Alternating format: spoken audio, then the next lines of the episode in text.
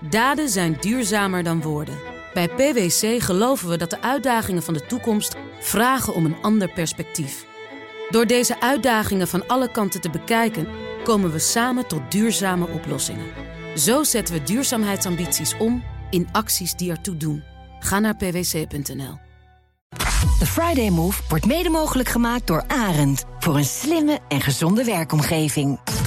BNR Nieuwsradio. The Friday Move. WhatsAppen in de basentijd, moet dat kunnen? Maar meneer Cliteur, de Velter is er toch voor veroordeeld? Dat is taal die mij erg aanstaat. Nou, u zei het net al, hè? het is mistig buiten. Wilfred Gené.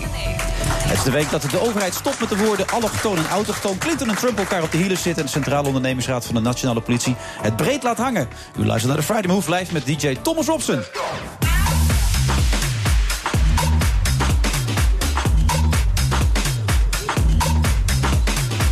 Hans Dorenstein is 76 jaar, maar lijkt onverslijtbaar in zijn nieuwste programma. Het einde is zoek en hij is vandaag tot half zeven. En dan gaan we vanuit mijn co-host. Luxe maatpak en een verblijf in het Amstelhotel met champagne ontbijt. Dat kon allemaal nu bij de Centrale Ondernemingsraad van de Nationale Politie. PvdA-kamerlid John Kerstens vertelt zo meteen hoe het verder moet met dezezelfde Nationale Politie. En GroenLinks-Europarlementariër Judith Sargentini wacht een bezoek aan vluchtelingenkampen in Libanon... en vertelt wat ze daar allemaal heeft gezien.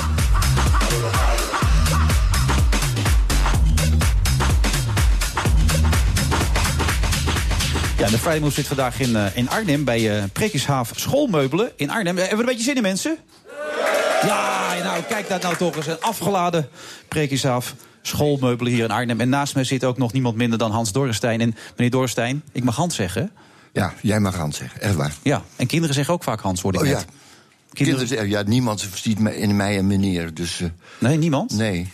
Oh. Dat is nooit zo geweest. Hoe is dat? Ja, eigenlijk wel, wel, wel, wel lekker. Iedereen hoef je, ziet, hoef, je ziet zelf een Hans. ook, hoef je zelf ook niet altijd deftig te doen. Nee. Maar iedereen ziet een Hans. Ja, iedereen ziet een Hans in mij. Ja. En ik kan me voorstellen, Hans, dat je hier in deze omgeving van schoolmeubelen op een industrieel terrein ergens in, in Arnhem denkt van hier heb ik altijd willen zitten in mijn leven, toch? Ach man, als Ja. ik het geweten had, was ik hier echt niet naartoe gekomen. Ja, inspirerend toch? Of, of zeg je van nou, ik heb het als. Jee, man, moet je eens kijken, man. Een enorme, enorme ruimte. Ja, met Ja. schoolmeubelen ook en zo heb ik gezien om de hoek allemaal.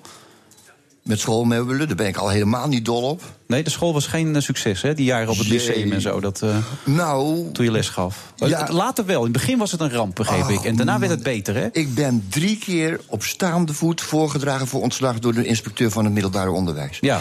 De, de lokalen aan weerszijden moesten ontruimd worden als ik les gaf. Je stuurde meer kinderen weg dan er in de klas zaten, heb ik begrepen, toch? Op een gegeven moment naar de Nee. rector en zo. Ja, de rector zei op een gegeven moment... meneer Dorstein, wilt u er niet zoveel leerlingen meer uitsturen... want mijn kamertje was vol. Ja. Zo succesvol was je als leraar. Ja, ja, ja. En toch van de ene dag, na twee jaar Leiden... maar dan moet je nagaan, ik moest elke ochtend als ik naar, naar school liep... want ik had nog niet eens geld voor een fiets... dan moest ik kotsen onderweg. Zo bang was ik. Ja. En ik begreep de vragen van de boekjes zelf niet. Nee, dat is vrij lastig dan als je les moet geven. Wegwijs, weg- wegwijzen in het taalverkeer. Ja. Die, die kinderen zullen gedacht hebben, nou, dit, we hebben de grootste idioot die er maar te vinden is voor de klas. Maar toen ik op een gegeven moment mijn eigen manier ging doen, werd ik goed, moet ik ook zeggen. Beschrijf die manier even, want ik las het inderdaad. Wat, hoe werkte dat nou precies dan? Nou, kijk, ze hadden me wijs, wijsgemaakt dat ik een, een, een netspak moest. Ik had een streepjespak. Ja. Nou, ik ben geen meneer. Nee, dat heb je net gezegd. Met Hans ben je. Dus een, een, een- ik, en ze zeiden, je moet heel veel afstand bewaren tot de kinderen. Dus Ik gaf les in de, in de brugklasse, in de, de eerste klas. En ik sprak die kinderen aan met u. Nou ja, dan kun je... dan ben je verloren. Ja, dat is vrij kansloos inderdaad. Maar dat heb je helemaal omgegooid na twee jaar. Ja, na twee Toen had je jaar. dus nieuwe kinderen die je nog niet kende. Je had een, een schone lijst, zeg nee, maar. kerel, nee. Ik had Nee? zelfs een klas die, die, die de, de, de proppen met, met tientallen tegelijk naar mijn kop geschoten hadden. Maar van de ene moment op de andere, ik kom daar binnen... en die kinderen die hebben nooit meer één foute beweging gemaakt. Maar wat heb je anders gedaan dan? Wat heb je veranderd dan? Ik was eh, misschien wat groter geworden, wat volwassener, wat Je heeft flinker. er zelf niet echt invloed op uitgeoefend. Het gebeurde opeens zomaar. Nou ja, ik had geen streepjespak meer aan. Ik Nee. had gewoon een spijkerbroek aan en ik had, wist opeens wat ik wilde doen. Ik ging gedichten behandelen en zo. Ja. Je had jezelf gevonden. Ja, zoiets. Maar hoe kan je de rest van je leven er nog zo lang hebben lopen leiden? Want je hebt er niet echt een makkelijk leven van gemaakt tot nu toe. Nee, maar voor die klas was het leuk een Ja, tijdje. dat was amusant voor Dat was, ja, dat vonden de Ja. kinderen leuk. Maar op een gegeven moment ging het helemaal mis. En toen ging je relatie uit. En toen stak die in elkaar. En toen ging je aan de drank. En toen ben je er maar mee gestopt met dat onderwijs, eh, toch? Of niet? Ja, Of ja, had ik het iets te precies. snel samen? Nou, het, de, volgorde, de volgorde was niet zo goed. Maar Nee, wat was de volgorde dan? nou, het eerst natuurlijk mislukt en dan, dan, je, dan, dan eh, stort je in. Ja, en dan zit je op school en doe je niks meer gewoon. Nee, Hou het nou, op. toen kon ik het ook, toen kon ik het allemaal niet meer. Maar toen was ik gaan schrijven. Toen schreef ik al voor kinder, televisiekinderprogramma's. Ja, en niet Eh, de minste programma's. Jij, de Bom en zo ook Ja. allemaal. Sesamstraat. We zitten hier gewoon met de grootheid, dames en heren. Ja, Ja, de- ja absoluut. Dan mag je mevrouw applaudisseren. Nou, dat, dat, dat, dat is waar. Ik heb de mooiste meiden versierd toen ik over de 50 was. Ja. Als, ah, toen, eh, als die meiden erachter kwamen dat ik bijvoorbeeld geschreven heb... dat die lieder van Sesamstraat, laat je speelgoed staan. Ja. dat was een... Dat was een, een, een dingetje van vier regeltjes. En dat moest ik. En toen zeiden ze: Hans, maak jij de lieder maar. We Ja. moeten eh, anderhalve eh, seconde duren of zo. Dus ik heb vier regeltjes opgeschreven, opgestuurd naar Harry Banning. En ook, dat is ook leuk. Dat vind je vast leuk om Ja, te ik horen. vind het nu al leuk. Nee, vind, nee, Ja. ik, vind, ik vind er eigenlijk nog geen zak aan, maar ik ga later Ja, wel... nee, maar ik vind het nu al leuk, Ik hoor. word later wel leuk. Vind je ook heel goed.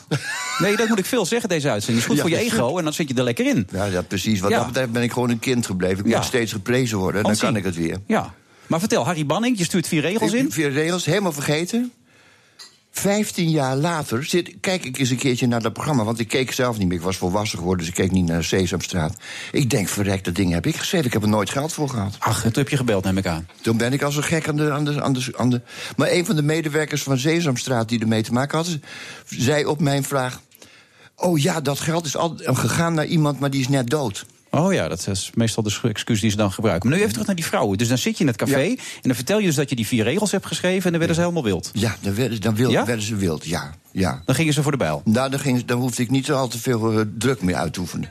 Oké, want dat is belangrijk. Ik heb wel begrepen dat, dat vrouwen zijn een centraal thema... in alles wat je met je leven hebt meegemaakt. Je vindt de mens leuk, maar de vrouw in het bijzonder, toch? Ja, zonder vrouwen vind ik er niks aan. Als ik in de trein zit en, en er zitten alleen maar kerels om me heen. Ik hou echt ook van kerels, ik vind leuke, keer, leuke mensen... maar als er geen vrouw in de buurt is, vind ik het gewoon een, een, een zinloze reis. Dan blijf je liever thuis. Ja, dan blijf ik liever thuis. Maar zoals hier, als je nu om je heen kijkt... is, Ja, het- is maar de er- er er vrouwenvertegenwoordiging... genoeg. Ja, is het voldoende Ja, om je goed te voelen? Ik heb veel liever de hele meisjesschool, maar goed. Ja, ja, dat hebben we niet kunnen regelen. Maar hoe is het met de vrouwen op dit moment? Eh, Je bent nog steeds op zoek naar de ware? Ja, dat, dat wel. Ja. Maar dat blijf ik, dat hoort ook zo. Ik, ik wil er ook niet vinden. Nee, maar je vindt er ook niet. Want Nee, de dat- zit in jezelf, Hans. ja. Dat weet je toch? Als je die, ja, als je die zelfhulpboeken er een beetje bij pakt... dan moet je eerst je eigen ego volledig kunnen bevredigen... en dan vind je pas die andere. hè? Dat is ook weer waar. Dus, maar het is net zo. Ik heb het, ik heb het tegenwoordig geen klagen wat de vrouwen betreft. Nee, gaat het goed? 76 jaar, maar nog steeds actief? Nou, in nou Ik weet het niet. daar hebben we vraag het niet over. We hebben het gehoord. Kijk, ik- de, de, de vrouwen glimlachen tegen me. En ze, uh, in de zomer pak- uh, pakken ze met hun, hand, met hun koele hand mijn, bovenarm, mijn blote bovenarm Ja. beet. Maar fijn. verder gaat het niet, maar dat Daar, vind ik al daar zacht. blijft het bij? Ja, daar blijft het wel Op die bij. leeftijd kun je er ook mee leven, zeg maar. Er was een tijd dat je anders was, 30, 40 jaar geleden... dan was je er niet mee akkoord gegaan. Nou, dan vond ik het al wel een mooie binnenkomer, toch? Ja, maar dan hoop je op meer. Ja. Ja. Heb je er zin in vanmiddag? Of zit je nou... Nee, dat niet. Oh, dat is jammer. Ik vind, nou ja, ik vind het kut. ja, het is ook kut. Maar we gaan er alles uithalen gewoon. Ja. Had ik al gezegd dat ik je goed vind? je bent echt heel goed, hè? Nee, ja. Ja. ja, maar je zegt het niet vaak genoeg. Nee, ja, ik blijf het gewoon zeggen. Ik Ja, laat al die mensen hier in de zaal laat ik het heel vaak zeggen. En iedereen die aan tafel komt gaat zeggen hoe goed dan uiteindelijk Hans Dorrestein is. En dan gaat hij, gaat hij echt als een, erg is dit gaat hij als een held de tent uit hier zo meteen. Bij injectie- Meubelen, Schuilmeubelen in Arnhem. Ja. Ik denk dat je er heel anders gaat naar, naar gaat kijken aan het eind van deze uitzending. Denk je ook niet? Ik weet het zeker. Ik weet het ook zeker, inderdaad. We gaan zo meteen praten, onder andere over de situatie in Libanon. We gaan ook over de situatie bij de eh, politie praten. En Hans Dorrestein mag gewoon meepraten als je er zin in heeft. Dus dat horen we zo meteen na de reclame.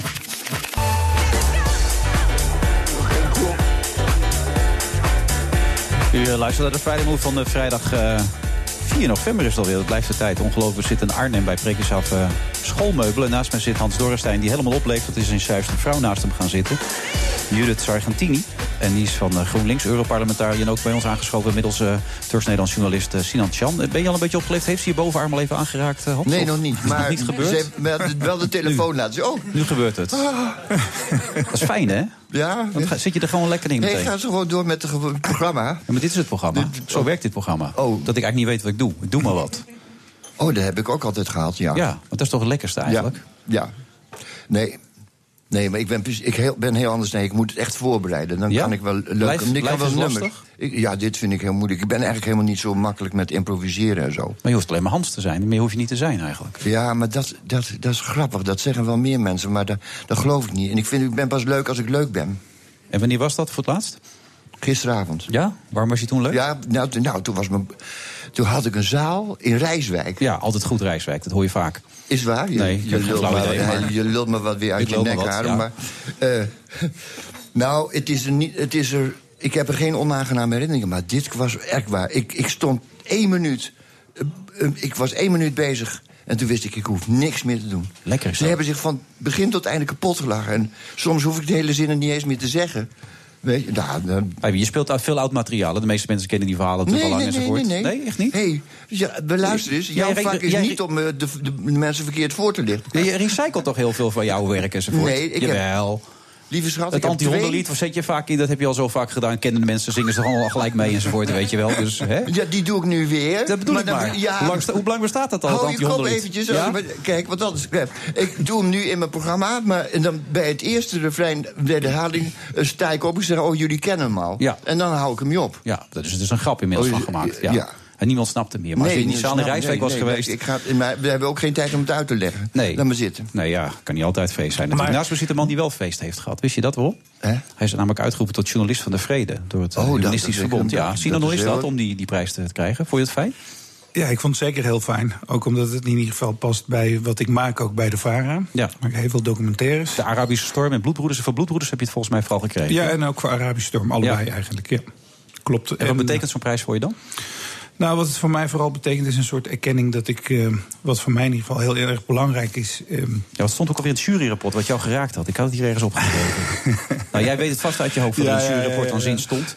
Dat je authentiek was en dat soort dingen. nou ja. Dat authentiek je en, en heel Nou, erg voor, voor gerechtigheid en voor rechtvaardigheid, onrechtvaardigheid tegen onrechtvaardigheid strijdt. En Ja. dat vond ik een hele belangrijke zin. En dat is ook wel een beetje de rode draad eigenlijk van de docu documentaire series die ik maak. Ja, ook de nieuwe over Afghanistan, onze Nederlandse missie, toch? Ja, een tweeluik over, eh, over Afghanistan in december uitgezonden. En ik volg eigenlijk het spoor van de Nederlanders. Wij hebben daar 8,5 jaar gezeten. Het is de grootste missie na 1949. Ja. Meer dan 30.000 Nederlandse soldaten hebben voeten aan de grond gezet op dat land. En ehm 25 doden, eh, een honderdtal gewonden... en ook een paar duizend mensen die met PTSS rondlopen. Dus wij dachten... Voor de mensen die niet weten waar dat voor staat. Nou, posttraumatische stress. Ja. Hè? En ehm, om eh, ook te kijken van nou, wat is er eigenlijk nog over van de missie. Hè? Dat was een opbouwmissie. Ja. En, eh, en hoe staat het er nu voor? Heeft het zin gehad? Is dat misschien ook wel een belangrijke vraag die je natuurlijk probeert te beantwoorden. Heeft het zin gehad dat we zijn gegaan? Ja, nou wij dachten we moeten er vooral naartoe, ook om die vraag te beantwoorden, heeft het zin gehad. Ehm, ook natuurlijk omdat het, ehm, omdat het nog een grote missie is. En om, omdat je van jonge mensen ook best wel een groot offer vraagt. Ik bedoel, je kan daar omkomen, gewond geraken of voor het leven gewond raken, PTSS. En om die vraag te beantwoorden dachten we, nou dan moeten we ook echt het spoor van de Nederlanders fysiek ook volgen door, door het land. En ook eens met de Afghanen praten. Wat, vonden, wat vinden die er eigenlijk van? Wat waren hun verwachtingen? Wat hebben ze gekregen? Waren ze blij met Nederlanders? Nou, wat ik wel vaak hoorde dat ze niet zo blij waren met Amerikanen, maar dat de Nederlanders wel toegankelijker waren en die kon je nog wel aanspreken. En de Amerikanen waren toch meteen. eh, ja, in ieder geval goffer ook naar de gewone Maar heeft het, heeft het zin gehad? Want dat is natuurlijk de kern van het verhaal. Dat we er zijn geweest. Eh, er zijn dingen die positief zijn. Ik bedoel, er, er zijn ook sporen van, van projecten die er nog zijn. eh, waar mensen ook blij mee zijn. Eh, maar ook projecten waar, het, ja, waar niet veel meer van over is, zeg maar. Ja, maar als je het in percentages mag uitdrukken, hoeveel procent heeft het nut of zin gehad? Dat is een moeilijke vraag, eh Ja, ik weet ook niet. Dat komt ook zomaar in op. Dus.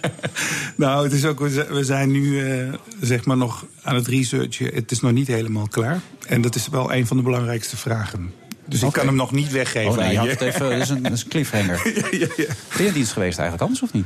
Ehm, ik heb geweigerd. Waarom? Ja, ik was toen pacifist. Dat zou ik nooit meer doen. Nee. Nee. Niet F5. Wat was het ook alweer? Als je S5, ik werd- S5? Ja, S5 was Ja, ik werd, eh, ik F5 werd afgekeurd met S5. Ja? Ja. Dat heb je met eh, vlag en wimpel gehaald waarschijnlijk, Ja, niet? wat, ja. wel, jawel. Ik, kreeg, ik heb bijna nog een prijzen gekregen daarvoor. Ja, dat kan ik me voorstellen. Nou, je hebt later ook nog in een inrichting gezeten, toch? Wat dat betreft klopt Ja. het toch? Ja. ja. Mag ik dat er zo ingooien of is dat verkeerd? Mag dat alleen als cabaretier zijn, dit soort opmerkingen? Nee, dit mag je vertellen, want het is geen schande. Het was gewoon een, ik was overspannen Ja. en, en, eh, erg down.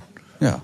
En het was heel leerzaam om al die gekken te leren kennen. Je hebt je rot gelachen, heb ik ergens gelezen. Nou, Ja. De mens heeft zich op weten te wer- werken tot een redelijk fatsoenlijk wezen, heb je ook gezegd. Vind je dat echt, dat we een redelijk fatsoenlijk wezen zijn geworden? Als Ja. mens zijnde? Vergeleken bij, vergeleken bij dieren heb- zijn we natuurlijk echt top. Ja. Eh, we, we, we denken enzovoort.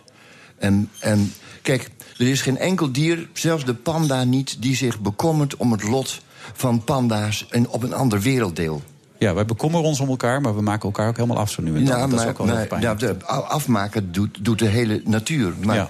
de mens kan zich ook ontfermen. En Maar dat is. Dat, is bij- nee, Judith, ik, ben, dat- ik heb een hele hoge pet van de mens op. Alleen, hij heeft terugvallen. Hij heeft behoorlijke terugvallen. Hij heeft grote terugvallen. Want daar kom ik bij Judith uit, want dat is het bruggetje naar Judith toe eigenlijk. Judith Ook. is in Libanon geweest.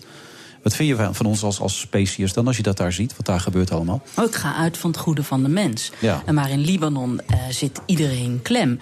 Eh, de, de, de Libanezen zag, eh, ze zijn met 4 miljoen en ze zagen anderhalf miljoen vluchtelingen komen. Ja. Ik ben gaan kijken naar hoe kinderen, Syrische kinderen, eh, onderwijs krijgen. Of eigenlijk niet. En de helft van de Syrische kinderen krijgt geen onderwijs. Dus 200.000 kinderen gaan niet naar school.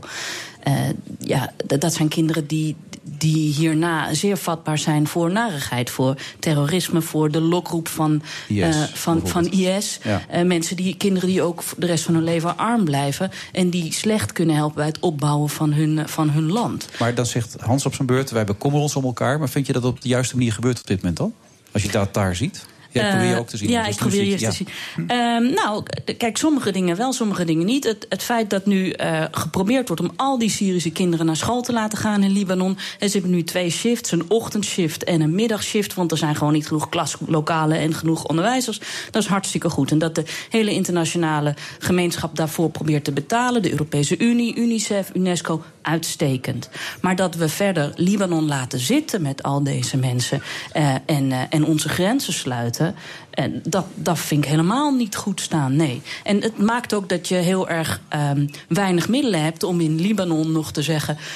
U discrimineert de Syriërs wel, hè? Ja. Want wat moet ik zeggen eh, eh, uit de Europese Unie, uit een land, Nederland, wat momenteel eh vluchtelingenopvangcentra sluit, omdat, omdat we het zo opgelost hebben dat er geen vluchtelingen meer naar Nederland komen. Ik kan daar niet heel erg met het vingertje gaan wijzen, want ik schaam me over ons eigen beleid. Maar wat zou dan moeten gebeuren in jouw of uw ogen? Ik denk dat wij in Europa moeten, eh ervoor uit moeten komen dat Syrië onze achtertuin is. En dat wij ruimhartig vluchtelingen uit kampen rondom Syrië moeten opnemen. En dat kan, wij zijn met z'n eh, met z'n 500 miljoenen in de Europese Unie. Dan kun je best elk jaar een half miljoen mensen opnemen. dat zou enorm helpen. Vind je dat ook, dat dat nou, moet doen? de, qua ruimte kan dat niet. De, ik, nee, het, het zou menselijkerwijs moeten. Maar Nederland is vol. Het, het is heel oude, ouderwets, maar als je in de natuur... Als je in de natuur loopt en je ziet hoe weinig natuur er nog is... Maar ik heb het over een half miljoen in de hele Europese Unie. Nederland is niet vol, maar de Unie is ook vooral niet vol. En wat we zien is dat als we het niet regelen, dat mensen op eigen houtje Nee, komen. En die ene miljoen die nu in eh, Duitsland opgevangen wordt, het is moeilijk, maar het kan wel. En dat is 1 miljoen in Duitsland. Ik heb het over een half miljoen elk jaar geregeld... zodat ze niet op bootjes hoeven te stappen... maar gewoon veilige oversteek. En dan kunnen de kinderen dus wel naar school. En dan weten we ook een groep mensen weg te houden uit extremisme. Denk jij erover, Sinan? Nou, ik denk vooral dat eh, bij de Europese Unie natuurlijk eerst die landen eens met elkaar eens moeten zijn. Ja, dat Want een land lukken. als- gaat als Engeland wil gewoon helemaal geen vluchtelingen Hongarije, eigenlijk. dat soort landen ook Nee. allemaal niet. Nee, maar dat vind ik ook echt... Is dat frustrerend trouwens? voor Dat is reuze frustrerend. Want ondertussen zijn dit jaar meer mensen verdronken in de Middellandse Zee dan vorig jaar. Terwijl we eh, zogenaamd die handige Turkije-deal hebben. Goeie. En dat zou mensen redden. Het redt geen mensen, er verdrinken meer mensen. Praten er zo over door, want u hoort de muziek. Dat is de bedoeling van het programma. Dan hoor je muziek, Hans. En dan ronden we even af en dan gaan we zo weer verder. Oh, Ja? goed dat je het even zegt. Ja, dan ga je misschien praten terwijl we niet op de, op de zender zitten en zo. Dat is ook lullig. Die kans loop je bij mij zeker, ja. Maar je mag gewoon doorpraten hoor, maar dan hoort niemand het. Zometeen na de reclame gaan we verder. Hier in deze uitzending van de Friday Move. BNR Nieuwsradio. The Friday Move. Thank you, Oma. Good job, Oma. It's about our United Kingdom and all our futures. Dat kan ik ook niet eh, bevestigen of ontkennen. Wilfred Genee. Jan Driessen, Joost de Wit en ST Stroker zijn nog de gast in deze uitzending van de Friday Move. En hij zit er nog steeds, gelukkig dat wel. Hans Dorrestein. Wat gebeurt er nou? Het is een tussenstukje is dit. Oh. En dan ga ik weer iets zeggen en dan houdt de muziek op. Let maar op, daar komt hij. U luistert naar de Friday Move live vanuit Presikhaaf Schoolmeubelen in Arnhem. En de beats zijn van DJ Thomas Robson. Zie je wel? En dan houdt de muziek er even door nu. En dan opeens houdt hij op. Zometeen moet je opletten. Opeens is hij weg. En dan kunnen we weer praten ook. Want nu moeten we niet praten. Dus nu moeten we stil zijn eigenlijk. Eigenlijk wel. Het is heel belangrijk dat je nu stil bent. Ja, bijna afgelopen. Ik vind het moeilijk allemaal. Het duurt lang, hè? Ja, het duurt ook langer dan anders, valt mij op. Oh, kijk, nu loopt hij weg. Nou, zo werkt dat dan. Oh, daar is hij weer, zeg. Ja, dit is een heel moeilijk programma eigenlijk opeens. Hans, het is live dit allemaal. Als je het voor mij doet, hoeft het niet. Nee? Nee. Vind je niet fijn, nee. dit? Nee, ik hou sowieso niet van muziek. Oh. Tenminste, niet er doorheen als ik zit te praten. Nee, maar als je zelf speelt, dan ben je wel blij. Ja. Ja? ja maar ik, ik, eh, nee, ik ben gauw afgeleid.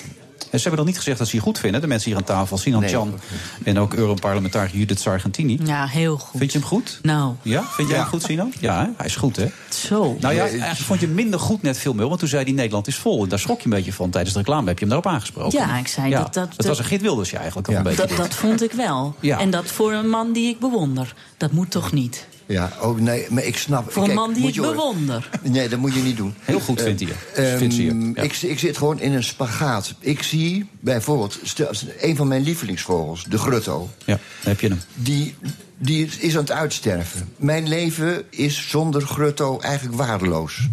Dat kunnen de mensen niet begrijpen, maar ik voel een groot, grote wanhoop. Om een wereld die voor mij mooi geweest is. Met, en de, de, de, de grutto is alleen maar symbool. Maar ik wil niet kiezen tussen de mens en de grutto. En ik heb je boek over vogels kijken. Heb je dus dat? ik, ja, en ook daar maar je van. snap je dat, het, dat die twee elkaar dat botsen? Ik zit in een spagaat. Ik hou van, van mensen, maar de mensen sterven voorlopig niet uit. Maar de grutto wel. Maar dan hoor je een verhaal over Libanon... waar honderdduizenden Syrische kinderen ja, zitten... waar die ook geen opleiding krijgen, die geen toekomst hebben. En dan zeg jij, maar als de grutto maar kan blijven. Dat is eigenlijk wat je zegt. Dan laat die kinderen Ja, maar... n- n- ja. Dat zeg je toch niet? Nee, dat zeg ik niet. Oké. Nee, dat kan ik niet zeggen. Nee, Want ik heb het. zelf gezegd dat ik van mensen hou. Ja. Dus ik hou ook, ik, ik hou ook van Syriërs. Ik hou ook van, van, in- hè, van de hele Er wereld. zijn heel veel vrouwen bij trouwens ook. Syriërs. Nee, precies. De helft het vrouwen. zou, het zou mij heel goed uitkomen als ze allemaal naar mij kwamen. Maar luister.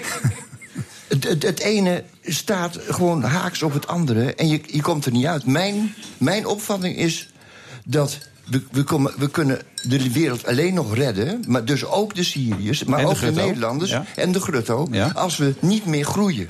Als we ophouden met groeien. Maar er is geen enkele regering be- bereid om het inwoneraantal naar beneden te schroeven. Want dan gaat de ec- economie kapot. Maar je praat met een eh, politica van GroenLinks, dus een ander soort groei. Daar wil ik graag met je over praten. Maar ik vind de keuze, eh, laten wij Nederland houden zoals het is... eh, en dus geen vluchtelingen toelaten, die, die keuze deel ik niet met je. Want ik zie te veel mensen die veilige plek nodig hebben... en ergens anders wegkwijnen. Terwijl wij nog steeds een rijk land zijn... eh, waar echt nog wel wat mensen bij kunnen. En we zijn met nog 27 Europese landen. En weet je, we hadden het net voor de pauze over... eh, voor, voor de pauze, voor de reclame over Afghanistan. Die jongens eh, uit Calais die net ontruimd zijn... dat zijn heel veel Afghaanse jongens onder de 18. En waarom vertrekken die? Omdat ze anders ingelijfd worden bij de Taliban. Hè, en, en daar dan geen leven meer hebben. Ze hebben reden om te vluchten. En eerlijk gezegd zie ik ze liever hier... dan ingelijfd door de Taliban. Daarvoor zie je dan ook een rol voor ons nog steeds weggelegd. Maar jij geeft vaak in je lezing aan dat iedere vorm van westerse interventie nooit veel heeft opgeleverd. Hè? Nee, in ieder geval in de afgelopen 30 jaar niet. Nee. Overal waar we een beetje in zijn gestapt, hè, neem Afghanistan, maar ook Irak en Libië nog niet zo, eh, niet zo lang geleden. Het is niet dat het. eh, ehm, iets heeft opgeleverd. Maar zeg je dan, we moeten het maar laten? Wat is dan die oplossing daarin? Nou, ik denk dat we dat anders moeten doen, die interventie. En ehm, wat je dus ook vaak ziet, is ja, een soort militaire interventie. En dan is er bijvoorbeeld een dictator die dan verdreven wordt. Maar wat is het plan daarna? Ja. En in Afghanistan zie je dus dat ze een president hebben geïnstalleerd die eigenlijk corrupt is. Ja. Terwijl ze eigenlijk voor good governance hadden moeten gaan. Van joh, we moeten dat democratiseringsproces eens beter op gang brengen. Maar dat doen we niet. Maar Wilfred, eigenlijk heeft het ook geen zin. Ik bedoel, als je aan de ene kant militair, militaire interventie... en aan de andere kant zijn er toch de westerse landen... die ontzettend veel wapens verkopen in het Midden-Oosten. De IS strijdt bijvoorbeeld, de, handwapens die IS heeft... 50% komt uit België. Een fabriek uit- in Luik wordt dat gemaakt. Ik zeg dan altijd, als we het probleem willen oplossen... dan moeten we ook moeten vooral die landen eens beginnen... met minder wapens te Maar produceren jij zegt en dus eigenlijk dat het probleem niet op te lossen valt. Want dat is eigenlijk de Nee, zo is het niet op te lossen. Nee. Maar Afghanistan, daar heeft de Europese Unie twee weken geleden, drie weken geleden, een deal mee gesloten met die corrupte Mhm. eh, regering. Ja. En dat Afghanistan vluchtelingen, uitgeprocedeerde asielzoekers uit Europa terugneemt. Ondertussen moeten dit komend jaar honderdduizenden Afghanen worden er uit Pakistan teruggestuurd naar Afghanistan. Het is helemaal niet duidelijk waarom de Afghaanse regering daarmee instemt. Ze krijgen er niet meer geld voor, want dat is gewoon het geld wat ze al kregen voor ontwikkelingssamenwerking, voor de opbouw Nou ja, van dat ze, land. ze hebben genoeg geld gehad. Er is 140 miljard opgegaan in het land. Ja, maar ze, maar, maar ze nemen nu wel mensen terug. Hm. Waarom hebben ze ja gezegd tegen die deal? Dat is ontzettend dodgy. Maar één ding Maar ja, is zeker: geldt- die vluchtelingen die nu uit Pakistan teruggaan, die komen in een ontzettende slechte situatie terecht. Dus allemaal grond voor Taliban om weer nieuwe jongens te werven. Maar wat vinden we nou van de deal met Turkije dan? Ik lees nu vandaag ook weer, het kabinet zegt dat de nieuwe, al die nieuwe arrestaties in Turkije zorgelijk zijn. Ja. Maar we hebben ze nog steeds hartstikke hard nodig. Want anders eh, valt die vluchtelingendeal uit elkaar. Wat vind je daar dan van? Nou ja, vooral dat het de hele tijd iedereen roept dat het zorgelijk is. En Ja. vooral ook mensen bij de Europese Unie ook. Hè? Eurocom, verschillende eurocommissarissen die zich zorgen maken. Ja. En hij gaat ondertussen gewoon rustig door. Hè? De Turkse president Erdogan. Ja, die denkt er ook zich over een ner- doodstraf. Dat wordt nu toch ja, een maar hij trekt zich ook nergens van aan. En eh, hij lacht ook eh, min of meer Europa ook deels uit. Ook omdat hij, hij heeft zo'n sterke troef. Dat zijn de vluchtelingen. Ja. En hij weet, Europa kan dat niet managen. Dus ja, elke keer als ze moeilijk doen of vervelend doen... dan leg ik die kaart op tafel. En eh, het is een soort eh, House of Cards, zeg ik de hele tijd. Ja. we hebben ons met huid en haar aan Turkije overgeleverd. En die Turkije-deal is, is zoals de deal die vroeger gemaakt was met Gaddafi in Libië. Jij beschermt jouw eh, kust, zodat er geen vluchtelingen naar ons komen. Maar- maar en dan laten we jou Judith, met Maar rust. zeg je dan eigenlijk, Judith, laten we van die deal af zien te komen... en laat ze maar allemaal hier naartoe komen? Is dat wat je zegt? Ik zeg al vanaf het allerbegin, die deal is verkeerd. En wij kunnen best deze eh, vluchtelingenstroom managen. Maar dan moet je niet mensen als een vorm van survival of the fittest... zelf maar op bootjes laten stappen. En wat we voor een deal hebben is... eh, waarbij we beloofd hebben dat we ook veel vluchtelingen... uit kampen in Turkije eh, naar Europa zouden halen. Turkije vangt 2,7 miljoen vluchtelingen op. En daar ben ik ze reuze dankbaar voor. Maar dat gaat niet heel lang meer goed gaan. Wat we gedaan hebben is beloftes gedaan die we niet waar kunnen maken. Toetredingsonderhandelingen, dat interesseert Erdogan eigenlijk helemaal niet. Visa-vrij reizen, dat lukt nu na de coup helemaal niet. Want Erdogan wil zijn wetgeving niet aanpassen op terrorismebestrijding. En dat moet om Turken visa-vrij naar, in Ja. Europa te kunnen laten reizen. Eh, eh, en nu hebben we dus inderdaad niks om te zeggen. joh, al die Koerden, die Koerdische parlementariërs die nu van het weekend zijn opgepakt. en die journalisten. eh, ja, we vinden het een schande. Maar de verkiezingen komen eraan in Duitsland, de verkiezingen Ja, komen in eraan in, dus. in Frankrijk, in Nederland. Ja. Er is echt geen Ja, maar- regering die zegt. laten we die Turkije-deal maar laten knappen. Nee, maar hij heeft ons gewoon klem. En je- Ja, maar dat hebben we Nee, toch maar- zelf gedaan? Ja, maar u zegt dan van ja, maar dan kunnen we hem van tafel gooien. Oké, hij zegt van dan ga ik het faciliteren. Die 2,7 miljoen. Ik gooi gewoon de poort open en ik regel de bootjes als het nodig is. En het wordt het probleem van Europa. En mijn Maar probleem. het was ons probleem toch al? En toen hebben wij de. de Maar dit was het is nu, oplossing, en omdat het is al die nog landen het zelf niet konden oplossen. Dat was het idee. Ja, en dat, daar vind ik dat we voor ons moeten schamen. Maar en die het gaan, is ze nu nog steeds, het die gaan ze nog steeds niet oplossen, het is Judith, nu- omdat er geen eensgezindheid is. Het is nu het probleem van Griekenland. Want in Griekenland, op de eilanden, dit is gewoon een openluchtgevangenis. En Europa helpt eh, Macedonië met een, met een hek om de grens dicht te houden. Ja. En de urgentie bij ons is weg. Want hè, bij ons worden nu AZC's gesloten. Het kan niet. En uiteindelijk gaat het imploderen in Turkije. Dus je hebt gelijk.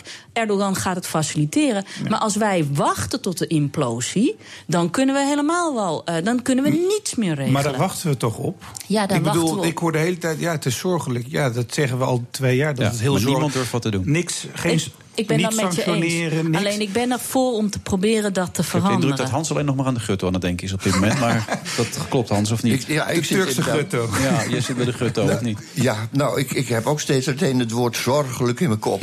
Meer, meer kan ik niet doen. Nee. maar Alleen misschien is wanhoop. het is- lachen door de tranen heen. Ja, luister, het is alleen een kwestie. Kijk, ik kan niet, ik kan niet begrijpen dat mensen eh, boos zijn op vl- eh, vluchtelingen. En dat ze woedend zijn erom. Ik kan alleen maar zeggen: Jezus Christus, hoe lossen we dit probleem in godsnaam? Nou ja, dat is hier het algemene dat- gevoel, volgens mij. En ik zit net zo klem. want denk je, niet je dat God denkt het toch niet dat ik, een mens, dat ik een mens ben die de, eh, eh, plezier in heeft dat andere mensen lijden. Hans, geen moment. Nee, je leidt het liefst Geen zelf, Hans, toch? Hans, Nee. dat is wat je het liefste doet, toch? Leiden zelf. Jawel, daar heb, je, daar heb je een vak van gemaakt, De van leiden. Jawel, Ja, ik dat kan je- heel goed leiden. Jij bent een uitstekende leider, ben jij. Ja, leiden Ja, kan ik heel goed. Maar dit, groeit me boven de kop. Dit, Ja. Hier kom ik niet uit. Want, luister eens, die, die, die opmerking van dat Nederland vol is... die klinkt als een buitengewoon... Ik heb er ook ruzie mee over gehad met uh, Sanne Wallis de Vries. En dat is een collega van mijn schat van een meid. Een, hele grote cabaretière, op wie ik eh, heel erg gesteld ben. En toen, toen riep ze meteen dat ik onder invloed van, eh, van hoe heet die, Wilders ben. Maar het is een veel, heel andere kwestie. Je hebt Ik zie, het, ik zie het asfalt dat oprukt. Ik zie de, de steden die oprukken. Ik zie, ik heb, er staat geen steen van mijn, van mijn ouderlijke eh, omgeving nog meer Ik moet je helaas onderbreken, Hans, maar jij kijkt vanuit het oogpunt van de gutto en al die andere vogels. En die zien dat er steeds minder bomen overblijven waar ze lekker op een takje kunnen zitten. Heerlijk. Dat is de, wat grutto zegt, op een, de grutto in een boom. De Ja. boomgrutto. Dat is een nieuwe. Ja, zitten ze Ja, nooit in een nee, boom, alleen met gras? zitten never nooit in in een boom. Alleen maar ja? Ja, dat is in het gras. Maar staat die, niet, staat die niet in je boek, toch? Vind mensen die, niet, die de, grutto niet kennen zo dom. Oh. Ja, ik ken hem wel, denk ik nou opeens uit Friesland. Ken ik hem nog. Ja, Zat die in moet je in uit de Friesland weilanden zat ik kennen. altijd Het is een- inderdaad, ja. Het is een steltlopertje. Ja. lief. Ik en probeerde ontzettend eigenlijk een metafoor te vinden om je af te kappen, maar dat lukte dus niet helemaal. Alhoewel, het is uiteindelijk wel gelukt, want je viel stil. Bedankt daarvoor, maar je moet nog even blijven zitten. We zitten bij Presikhaven in Arnhem. Mag ik jou ontzettend bedanken, Judith trouwens. En jou ook. Sinan. dank je wel. Want we gaan zo nog verder ook met allerlei andere mensen. Onder andere over de politiezaken waar allemaal geld is uitgegeven. Hebben we straks ook de muziek van de Living Room Heroes. Luister even naar ze.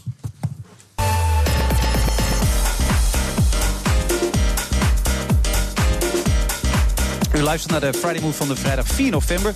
We zitten bij Presikhaven. Ik moet het wel goed uitspreken, want ik ben zojuist aangesproken door mensen van Presikhaven hier in Arnhem. Schoolmeubelen, kantoormeubelen, maar vooral schoolmeubelen. En naast u zit nog steeds Hans Dorrestein, die ontzettend goed is. En dat zal hem zo meteen ook worden verteld door PvdA-Kamerlid John Kerstens en politiek verslaggever Laurens Boven. Nou, zeg het gelijk even, Laurens, hoe goed hij is. Nou, ik vind het een eer om aan tafel te zitten. Echt Ja. Ja, ik vind hem Het geweldig. vind ik nog mooier geformuleerd. Is Het mooi, wordt hè? steeds Ik beter. denk Ja. dat mijn moeder ook jaloers is. Ah, Ja? Grappig is Is jou- dit. vindt jouw moeder hem ook aantrekkelijk?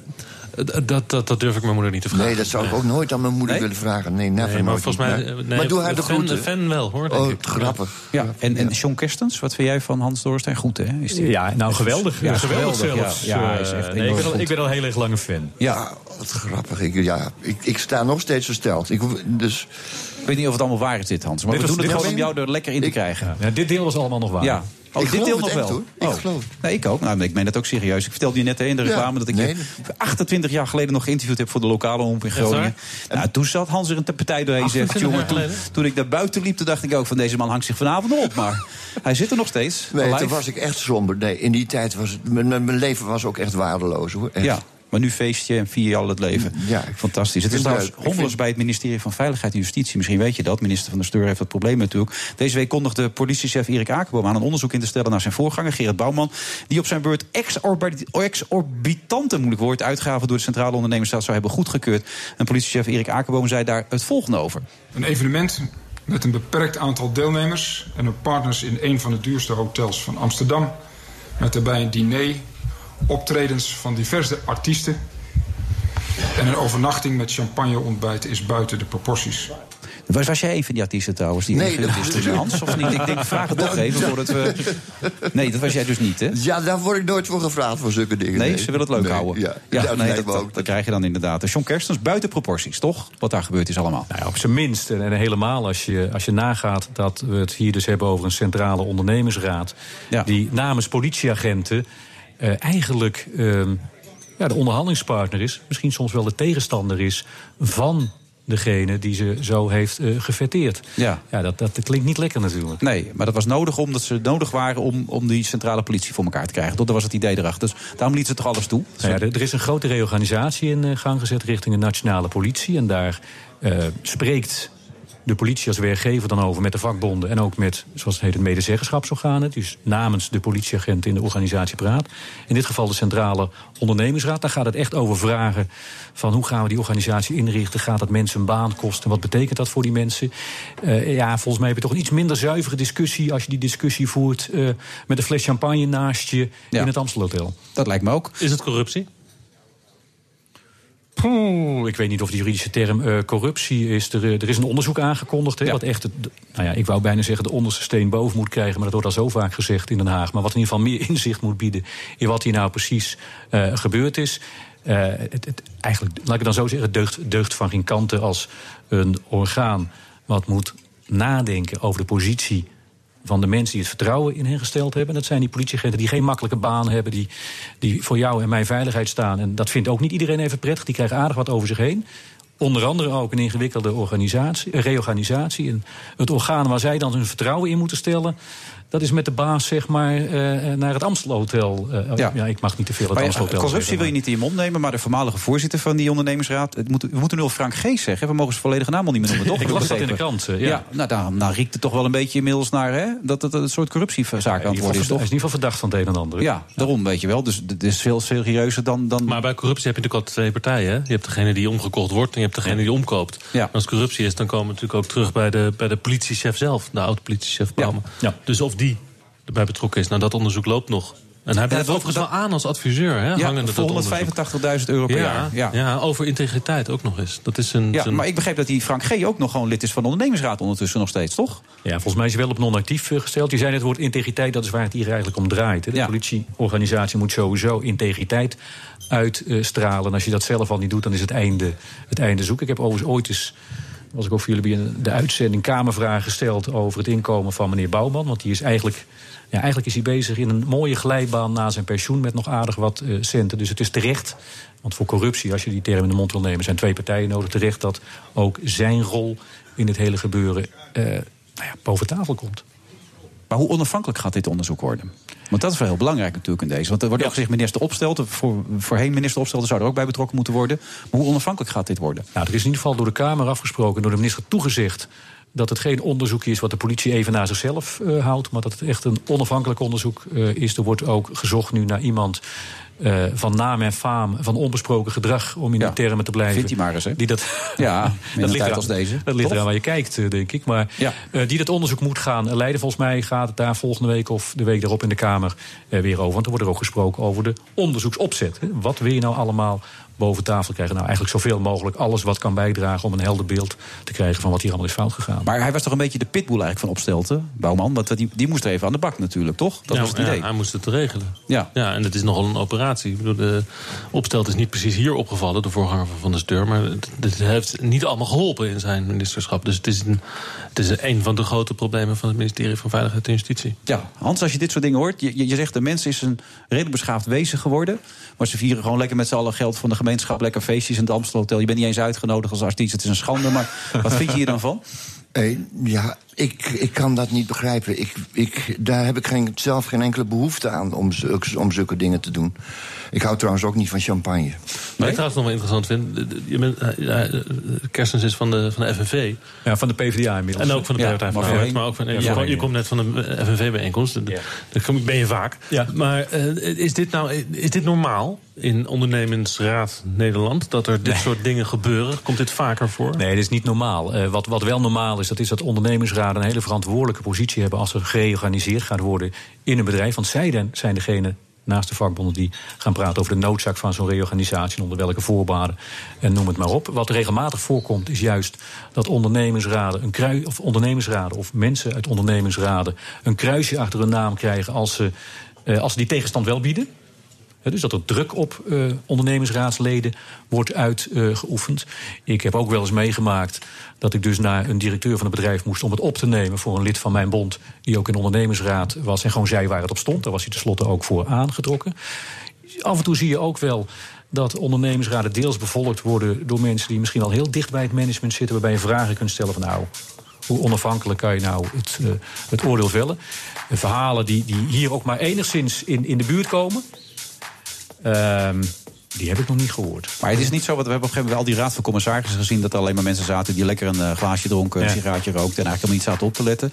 Je hoort ook over heel veel ondernemingsraden dat er allemaal mensen in zitten... die denken, ja, dan heb ik wat zekerheid heb ik voor mijn werk... en die vallen maar allemaal omhoog. Maar de gemiddeld zijn ondernemingsraden in Nederland nog wel een beetje van niveau... of zitten alleen maar mensen de tijd een beetje te verdoen? Nou, dat laatste, zeker, dat laatste zeker niet. Overigens is het ook niet echt zo dat je heel veel bescherming ontleent aan het feit dat je in een ondernemingsraad zit. Wel wat, juist ook om vrijuit te kunnen praten en niet eh wiens brood men eet, eh, diens woord men spreekt, te hoeven toepassen eh, de hele tijd. Ja, het niveau is wisselend, net zoals je dat bij ons in Den Haag eh, waarschijnlijk ook Ja, eh, hebt. dan ben jij toevallig heel goed, net zoals Hans Dorrestein. Nou, die was zit- geweldig. Ja, die is was geweldig natuurlijk. Maar er zit ook hele slechte bij jou, zeg je eigenlijk. Wie is nou echt slecht bij jullie? Ongetwijfeld. eh, Echt dat je zegt, die kan er helemaal niets van. Schiet me even niet te binnen. Nee? Nee, echt niet. Dus dan zijn ze er misschien wel helemaal niet. Alleen maar goede mensen daar in Den Haag. Nou, ik denk dat, valt wij. ook wel mee. Nou, ik wou zeggen, ik denk dat wij een dwarsdoorsnede zijn. Misschien zouden dat wat meer eh, moeten zijn. Nog even terug naar die ondernemingsraad. Die krijgen af en toe wel heel erg veel op hun bordje. Ja. En ehm, ik denk dat het een, een constante is om te werken aan de kwaliteit van ondernemingsraadsleden. Want er gaat veel door hun handen. Ja. Dan heb ik niet over champagne, maar dan heb ik het over adviesaanvragen, over reorganisaties. Ze moeten veel doen. Tot slot nog even over... ehm, gaat Bouwman hierop eh, struikelen? Gaat hem eh, dit een grote probleem opleveren? Dat levert het sowieso wel op in deze situatie. Maar gaat hij erop vallen? Het zou, het, het zou kunnen. Wat, wat ook heel goed zou kunnen, dat is dat hij de eer aan zichzelf houdt. We hebben allemaal in de krant kunnen lezen dat hij het niet fijn vond dat hij hierop werd aangesproken.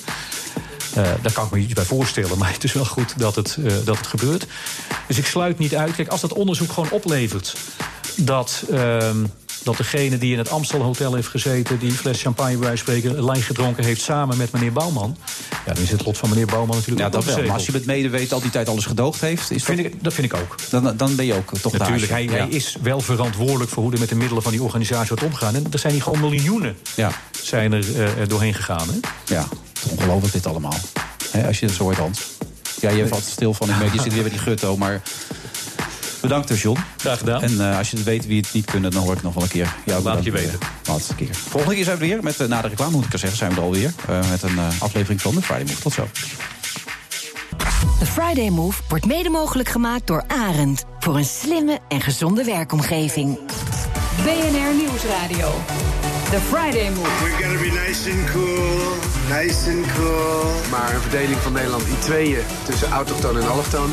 dat slaat eigenlijk helemaal nergens meer op. Dus kun je er ook maar beter mee stoppen. Ja, ja, heel Nederland en Curaçao ook. Iedereen is heel blij. Wilfred Genee. Met de Friday Move van vrijdag 4 november vanuit Vrezenkracht Schoolmeubelen in Arnhem.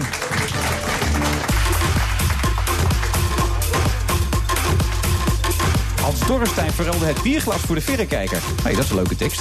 Die zegt best wel leuk bedacht. Sindsdien heeft hij met zijn grootste hobby's vogels kijken... duizenden mensen de natuur ingekregen. En hij zit hier tot de klok van half zeven. Alhoewel hij net aangaf dat hij eigenlijk ergens anders naartoe moet. Volgende week kiezen de Amerikanen hun nieuwe president... en communicatiestratege Jan ging voor hen op campagnetour... en blikt voor ons, eh, met, ons vooruit op Election Day. En tv-kok ST Stroker heeft nu ook een eigen eh, winkeltje. Die heet Slaatje Bla. Of bedoelde ze nou Blaadje Sla? Nou, dat legt ze zo uit.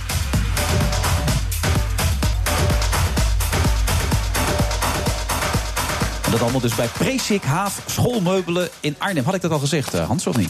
Nou, ik, nee, ik hoor het voor het eerst nu, hoor. Ja, nee, ik denk, meld het even. Anders Ja, weten mensen ja, niet waar we zitten ook. enzovoort. Ja, want anders eh, is- doe je het allemaal voor niks. Je, je speelt steeds met een boek hier alsof het je kind is bijna. Je legt steeds die hand erop en je, je bent, gaat er liefdevol mee om. Maar het is dus, begrijp ik, je nieuwe boek dit? Wat hier ligt, of niet? Ja. Ik, Daarvoor ben je gekomen eigenlijk ook. Toch? Stiekem. Jawel. Nee, ik kwam voor jou. Echt waar? Ja, dat zeggen niet zoveel mensen natuurlijk. Nee, eigenlijk ja, ik, niemand. wil, ik wilde wel eens weten hoe dat ging met jou. Oké. Maar daar ligt hij gewoon wel weer, hè? Dorresteins, volkomen vogelgids. Ja. Ja, En dat wordt weer een bestseller, dat kan niet anders. Nou, Jawel, die dat- vorige twee zijn de winkel uitgevlogen. Nou, vooral de- hey, die was leuk, hè? Maar Ja. ik had hem zelf niet eens door dat ik hem maakte. Verrek. Nee, Ja. ik hoor nu ook pas dat het een grap was. Ja, maar- maar ik, hij schoot er zo uit. Maar eh, de, de vogelgids, de Dorsteins vogel, de eerste was Ja. echt...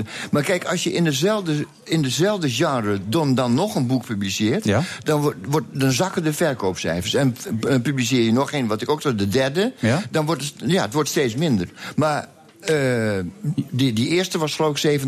Zo. Dat is voor mijn doen erg veel. Ja, toen ben toen- dat was het eigenlijk de grote doorbraak. Terwijl je 100 jaar cabaret en theater deed enzovoort, toch? Eigenlijk. Voor het grote publiek althans. Ja, ja, precies. Vanaf dat moment. eh, en weet je wat? Dat boek dat had ook echt eh, impact, ongeveer Joep, Joep van het Hek-achtige impact. Want Ja. ik, eh, ik, ik had een keer een optreden en toen stonden er na afloop bij mijn tafeltje een paar hele grote kerels. En, die, en die, dat waren eh, jongens van vogelbescherming. En die zeiden dat de verkoop van de verrekijkers met sprongen gestegen was. Oh, je hebt dus ook nog de economie een beetje op gang geholpen ja, precies. Misschien, misschien komt die hele opleving wel door mij. Ja, nou, ik weet wel zeker dat het door jou komt. Het gaat nog steeds goed. Met baardmannetjes en zo toch ook, eh, dat soort dingen. Ja, ja dat televisieprogramma. Ja, alles doe je op dit moment. Dat, wat- je aanraakt is goud. Ik, je bent echt goed, hè? Ik, ik ben hartstikke goed. Oh Ja. nee, sorry, dat moet ik niet zeggen. nee, dat moeten andere mensen. Joost de Wit, directeur van Vitesse. Wat vind jij van Hans Dorrestein? Nou, ik heb eh, zeer veel interesse in zijn boek. Omdat ik eh, zelf ook eh, dicht tegen een natuurgebied aanwoon. Dus ik ga het zeker kopen. Eh, dat zou ik doen. Dat is niet de vraag. Wat vind je van hem? Dat was de vraag. Nou, het lijkt mij zo'n aardige man. Ik heb hem op tv eh, een aantal keer gezien. En, eh, Hij is gewoon heel goed. Dat heeft hij nodig, toe anders komt hij er niet cynisch, doorheen. af en toe cynisch is mij wel verteld, maar ik heb het nog niet eh, gemerkt. Dus, Hoe goed ben jij, Joost? Nee. Ik? Ja, hoe goed ben ik jij? ben, hoe goed ik ben? Ja? Eh, nou, dan laat je inderdaad graag eh, eh, anderen vertellen. Ja. Maar ja, ik doe in ieder geval mijn best om goed te zijn. Ja, 13 miljoen ruim verlies dit jaar bij Vitesse. Hoe, Ja, goed, hoe ben je dat? Nou, als je drie jaar geleden 24 miljoen schrijft... Ja. Dan, en dit jaar 13 miljoen verliest... dan denk ik dat je al een, een benchmark hebt... dat het inderdaad de goede kant op gaat. Ja. Glas is half vol bij jou, hoor ik wel. Eh, bij mij, al, ja, bij Ja. mij is glas, glas half vol. En eh, ja, met Vitesse liggen we op koers. Het, het klinkt inderdaad 13 miljoen Nou, die verlies. salarissen gaan wat te langzaam omlaag, heb ik de indruk. Klopt, toch? Dat is een klopt. verhaal wat niet helemaal wat eh, naar wens loopt, toch? Ehm, nou, we zijn eh, met salarissen... Ja, voetballers worden natuurlijk eh, redelijk goed betaald. Redelijk goed of belachelijk, Hans? Even, wat Ja, vind jij? ik- dat, is- dat, ja, dat is krankzinnig, maar ga, ga verder. Dat- Oh. Dat zat alweer bij de gut ook. Ga door. Ja, nou, nee, nee, eh, maar we zijn van een spelersbegroting van 14,5 miljoen eh, ja, eh, naar een eh, 8 miljoen teruggegaan. Ja. En, En hoeveel dus, spelers worden daarvoor betaald? 8 miljoen? daar hebben we een selectie van 23 spelers voor. Oké, kan je zo snel rekenen ongeveer? Nou Hans, ja, dan hebben, hebben ze niet een miljoen eh, per man. Nee. Nee, Dat is eigenlijk armoed, armoedzaaiers. Zijn. Nou, het zijn geen armoedzaaiers, zeker niet. Maar eh, ja, dat is gewoon de realiteit. Een paar van- tonnetjes de man en dan is het al eh, mooi, toch? En dat zit, Vitesse zit dan op de vijfde, zesde plaats in Nederland met de spelersbegroting. Dus eh Ajax, Feyenoord, PSV, Twente, AZ. En dan komen wij eh, Ja. met onze begroting. Hij staat 7 op dit moment, toch? In de competitie. We staan dus één plaats eigenlijk onder waar we horen eh, met begroting. En daar gaan we alles aan doen om dat eh, natuurlijk recht te zetten. En daar hebben we nog drie kwart seizoen voor. Dus, ja, eh, hou daarom. Dus er is dan niks aan de hand. Belangrijk is natuurlijk dat je wel een man hebt die alles bijpast. Gewoon niet Sikorinski. Ja. Eh, Ken ken je dat verhaal? Dat ze gewoon Nee. bij Vitesse hebben ze gewoon een suikeroom. Die legt gewoon altijd geld gewoon bij. Dus het Ja. komt altijd goed. En dat is een Nederlander. Nee, dat is een Rus. Een Rus. Die we En eigenlijk één keer per jaar zien of zo. Of twee keer per jaar. Hoe vaak is dat? Nou, ik zie hem wat meer. Ik spreek hem ook regelmatig. En, eh, maar inderdaad, wij hebben het geluk van iemand die, die van voetbal houdt... en die daar zijn geld in wil steken. En eh, ik zeg altijd maar zo... Maar waarom? Dat vragen heel veel mensen zich altijd Ja. af. We hebben het er ook wel eens over gehad. eh, apart Ja. met z'n tweeën gewoon een keer. Maar waarom wil hij dat? Als je er zoveel aan verliest. Waarom wil hij dat dan? Nou, in eerste instantie, hij kan het. Want hij heeft, hij heeft het geld dus Ja, eh, in eigen bezit. Ja. En eh, ik zeg ook wel eens van, nou, dat kost de belastingbetaler in ieder geval eh, geen rode cent. Of de Arnhemmer. Hij, hij wil het. Het is een privépersoon en hij doet dat. En eigenlijk is het heel simpel. Zoals eh, Hans zijn liefde voor eh, vogels in een boek schrijft... heeft hij zijn liefde voor voetbal. En, Ja, wat levert Hans het op met zijn boek? Maar dit levert helemaal niets op. Dit kost hem 13 miljoen per jaar. Ja, maar... maar Hans, de- Hans pakt 13 miljoen per jaar. Dus toch even een verschil Ja, dat is een verschil. Ja. Dat is een verschil. Nou, dat, dat- daar gaan wij misschien ooit ook nog naartoe. Maar eh, ja, het kost hem. Hij heeft ook aangegeven dat hij het niet doet doet om geld te verdienen.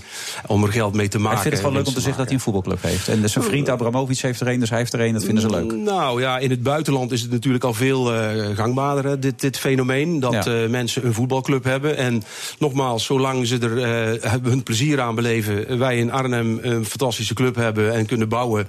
Dan denk ik dat, dat, we, dat er iedereen een, een goede situatie is ontstaan. En nogmaals, het kost de belastingbetaler niets. We hebben geen subsidie. Maar het enige stuk, op een gegeven moment kan hij ook zeggen: nu is het mooi geweest. Nu, hè, dat zijn vrouw ja, op een gegeven moment zegt. Dat het maar ben je nou niet bang? Ik zou, ik zou het ontzettend eng vinden om met die man te praten. Maar voor je het weet, zeg je wat verkeerd. Tenminste, nee. ik wel. Nou, het is... Ja, dat denk ik ook al, ja. Nou, nee, nee. Waarom zou dat? Uh, ja, en dan, dan, dan, dan, trekt hij er een paar miljoen vanaf. Nee, nee, nee. nee? nee. Hij, heeft een, uh, hij, heeft, hij heeft sowieso garanties gegeven aan de club om uh, het langdurig te doen.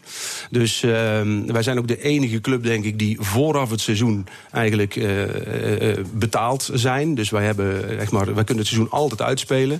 Maar ja, het is een heel aardige man. Hij is huisarts van opleiding. En hij, oh. ja, zoals wij hier zitten te praten, praat okay. ik ook met hem. Vogelliefhebber ook of niet? Kijkt hij vaak ja, vogels? Heb ik niet gevraagd. Want dan zou je dat boek nee. mee kunnen nemen als een oh, beetje dan, dan hij dat van mij. Dan? Wie weet, kom ik eens een keer bij hem logeren. Ik ga het voorstellen. Ik hey, ga maar, het lu voorstellen. hey, maar luister eens, hoe komt het nou dat voetballers zo... Kijk, die, die zijn rijk enzovoort. En uh, dat is toch eigenlijk ook een hobby die ze uitvieren. Maar waarom lopen ze zo vaak te spugen? Ik, de, 40 jaar geleden zag je nooit een voetballer spugen. Die spugen zich, man. De, ik, ik zou niet over zo'n veld durven te glibberen. Ja. Nou, hoe is zit dat? opgevallen. dat? Ik Is zal, dat meer op mode? letten. ik zal er meer op letten, Hans. Oké, Jij, jij net dat je, zei net dat je niet heel veel wedstrijden meer ziet. Dus ik weet niet waar je die informatie vandaan hebt. Maar ze spugen inderdaad wel eens. Maar ik zal er eens op Wel letten. eens. Man, als je de, ik, ik vind het soms echt onsmakelijk worden. Maar dat zie je op de televisie heel goed. In, kijk, in een stadion niet.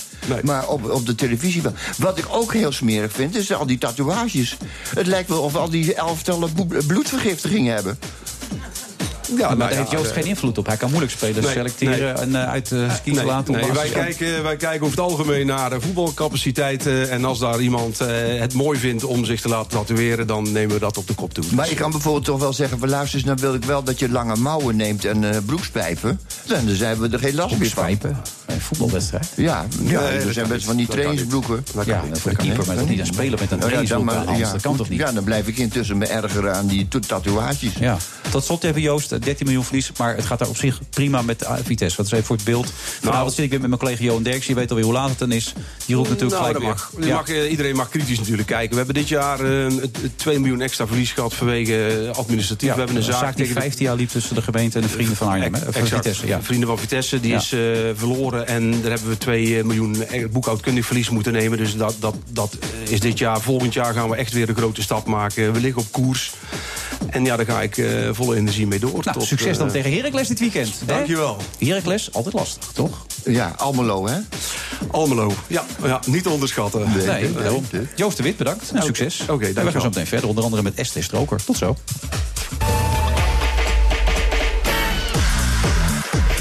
We zitten vandaag bij Presikhaven schoolmeubelen in, eh, in Arnhem. Dat heb ik nu een paar keer gezegd, maar ik heb het ook volgens mij goed gezegd. En nou vraagt Hans Dorrestein aan mij of je het goed doet. Hoe vind je het zelf gaan dan, Hans?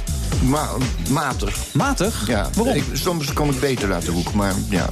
Maar ik vind tot nu toe gaat toch lekker. Je hebt een beetje gelijk al geroepen, Nederland is vol. Dus gewoon een statement heb je gelijk even gemaakt. Dat iedereen ook gelijk weet waar die staat enzovoort. Verder spugen voetballers heel veel, weten we nu ook. Dus ja, wat dat betreft. En we hebben nu een hele jonge dame, een schone Ja, jonge nee, dame dat- aan de tafel. knap ik op. Dat is fijn. Want, hoe zit dat nou? Je bent 76, maar val je dan ook op leeftijdsgenoten? Of mag het elke leeftijd zijn? Nee, ik, ik, ben, ik, nee, ik ben blijven steken op zo'n 20 jaar. Eh, in, ik ben niet ouder geworden dan 20 jaar van binnen. Ja, dus ze kunnen van Eh, elke leeftijd zijn. Daar zit een steekje aan me los, maar goed. Maar goed, ja, als ik, als ik eh, leerlingen van een school voorbij zie komen fietsen... Ja? eh, jongens en meiden door elkaar... dan denk ik, jezus, dat is de echte wereld. Niet waar ik nu in leef. Nee, dat niet? denk ik ook wel eens, ja. Oh ja? Dan Oh, denk ik, zat ik nog maar eens op school. Ja. Ja. ja. en ik had het helemaal niet zo leuk. Maar die Aldus tijd- Esther Stroker die eh, 25 jaar is. Maar ja, ga door, ja, gaan we door, ja? Nee, ga ik maar. had het helemaal niet zo leuk, vertelde je. Vertelde. Nee, maar, maar toch, toch, die wereld, dat is voor mij de, de, de essentie van het bestaan. Met, met jongens en meiden naar, naar school fietsen. Het wordt wel heel stil. Oh, alleen het fietsen ook, ja. Nee, maar wat Nee, gebeurt ja, er dan nee, als je dat dan... praten, dat schreeuwen. De, de, de- dat te zeggen, zelfs ik had toen het gevoel dat er toch misschien in de verte iets geweldigs zou gebeuren. Ooit. Maar toen was je onderweg dan met elkaar en dat, dat voelde ja, en dan als met, zijn met, onderweg Ellie het leven. Niemeyer- met Ellie Niemeyer. En met Ja, Ellie? Nie- ja, ik, was, ik ben Ellie was ik geloof ook? 13 jaar verliefd geweest op Ellie Niemeyer. Het begon in de derde klas van de lagere school. Nee, ik lieg, vierde klas. En dat is wat en die- geworden die ging ook naar de MULO. Ja? En toen- daarna ging ze naar de Kweekhof, de, de, de, Ja. de Pabo De tegen. Pabo ook nog. En, en al die tijd niks gebeurd. Never, nooit niet. Nog steeds niet.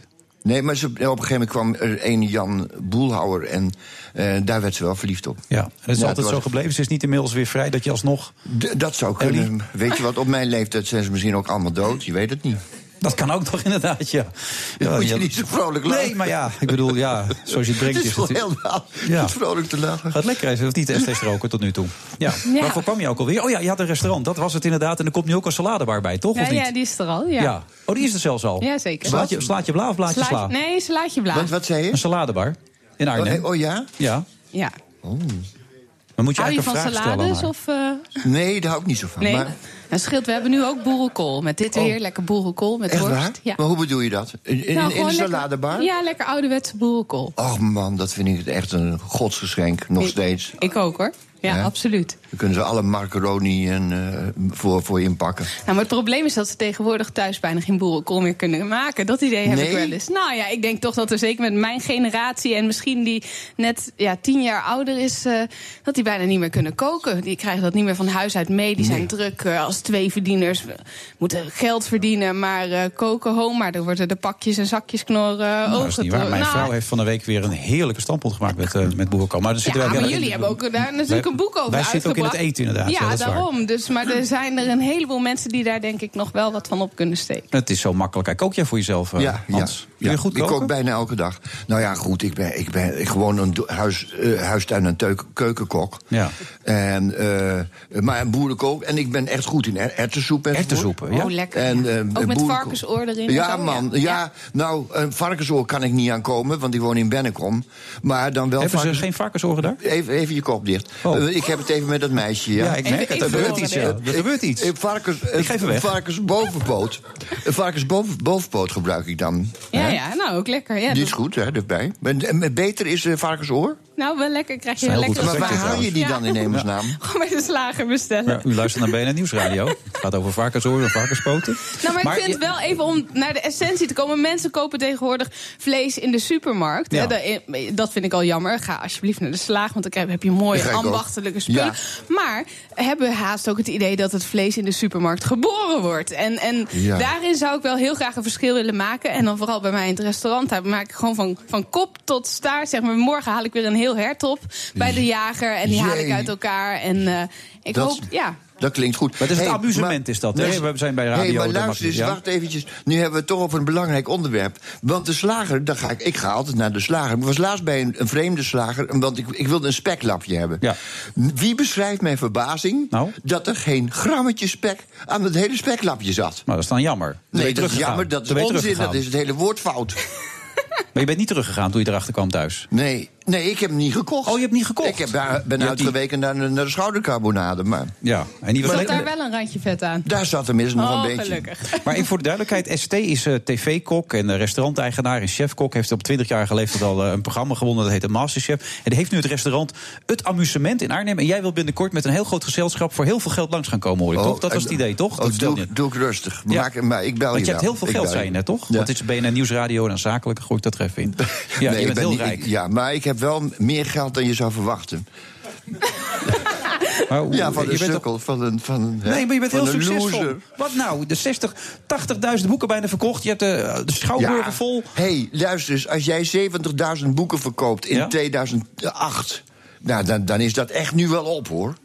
Ja, je hebt er nog eentje gedaan en nu komt er weer Ja, eentje. Die levert altijd minder. Die nog was alweer 30.000 wat boeken op of zo. Wat krijg je per boek eigenlijk dan? Eh, per, per boek 2 euro.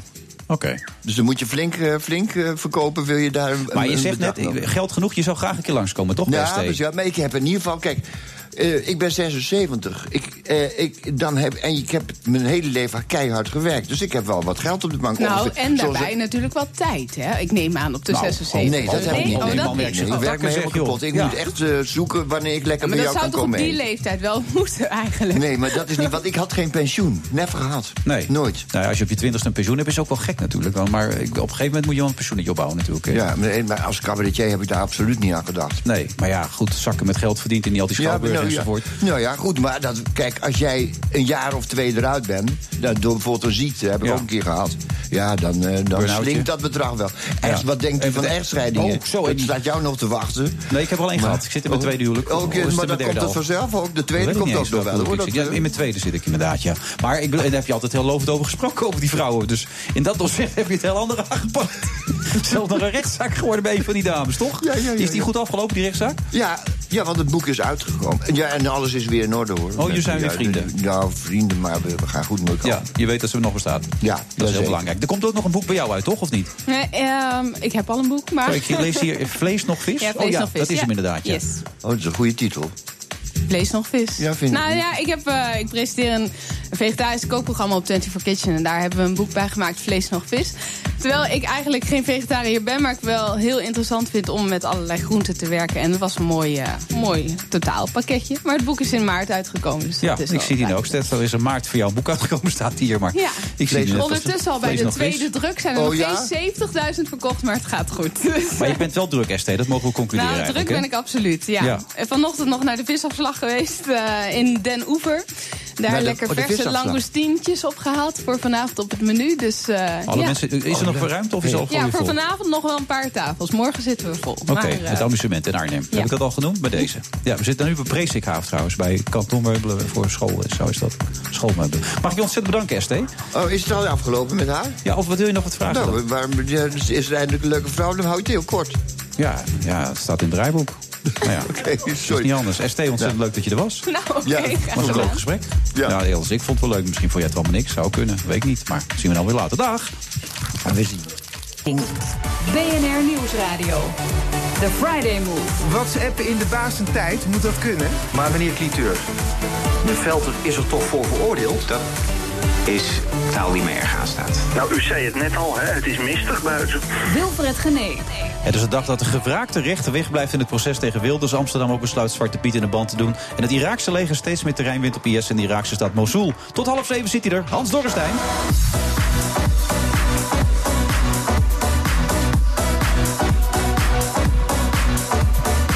En of dit te geloven is of niet, maar de voetjes gaan langzaam zeker heen en weer bij Hans Dorrestein. Die begint die muziek toch op waarde te schatten. En dat doet natuurlijk ook communicatiestratege met pet Jan Driessen.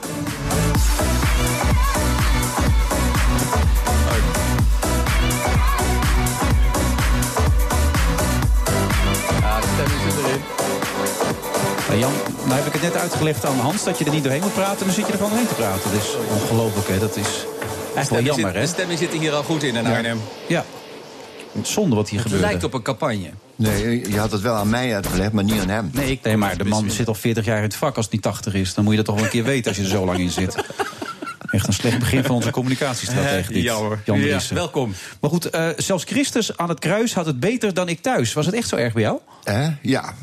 Nou ja, dat heb ik, dat, ik vind dat een goede titel. Ja, geweldig. Ik liet hem gisteren aan René van der Grijp zien. Die lag helemaal gevouwen. Oh, echt waar? Ja, die vond hem geweldig. Ja. Dus je, ik, ik weet wel, ik heb dingen geschreven die niemand wilde horen. Ik heb een keer een, een lied geschreven, De, de Kerkhofganger. En, en dat gaat over een necrofiel. Ja, maar die was geweldig. Het was in die tijd dat ik bij Oogradio jou Ja. ging interviewen. Bij, bij, bij Nacht of zoiets. Hoe ging het nou ook alweer? Het kerkhof, het kerkhof. Het kerkhof bij nacht, dat was ja, hem dat inderdaad. het refreintje. Geweldig. Het refreintje. Maar dan beschrijf ik wat die man allemaal doet. Ja, het is verschrikkelijk, maar... Nou, daar liepen er hele rijen Ja. weg. Hè? Ja, ja, maar het was echt, volgens mij is het qua gedicht... is het een van de, best, een van de beste liedteksten die er ooit gemaakt is in steeds Nederland. erger. Ik heb het meegemaakt toen de Ja, dat mensen ook boos werden. Toen ja. ik dat af had, hè, toen ik dat af had, toen had ik de volgende dag een vergadering met Jan Boerstoel, Joop van den Ende, de, eh, Ru, Ru van Veen, of eh, nou in ieder geval een componist, en, en nog wat van die Duits, twee, nog twee of drie. En toen dacht ik, weet je wat, het was voor een programma van Gerard Cox. Nou, Cox was er ook. En ik begin dat ding voor te lezen. Ik wist niet wat het was. Ik bedoel, als je iets af hebt, kan het goed zijn, het kan slecht zijn. En ik begin dat ding voor te lezen, maar ik moest me erg concentreren. En we zaten in een zaaltje en ik hoorde wel allemaal geluiden om me heen. Maar geen lachen. Dus ik wist bij God niet of het goed was of niet goed was. En uh, dat wordt, ik stapelde, ik wist verdomd, ik heb het echt nou, versta ik de kunst om het steeds erger te maken en te stapelen. En toen het klaar was, toen ik klaar was met voorlezen, keek ik rond, zat er niemand meer aan die tafel.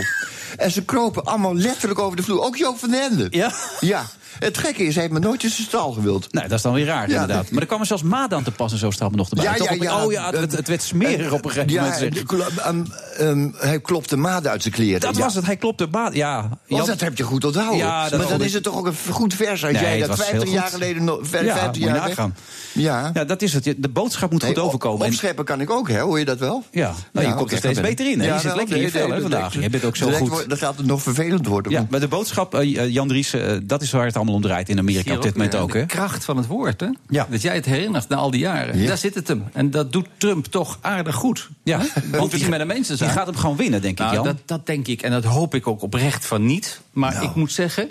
Er is wel iets aan de hand in Amerika. Ik, eh, ik, ik kom net terug uit, uit North Carolina, een van die swing states wat dan is. En ik ben onder de indruk geraakt, toch stiekem, van dat succesverhaal van die Trump. Ja. Die komt er met die vliegtuigen, die heeft een campagne, die heeft echte fans van hem heen die, die voor hem vechten.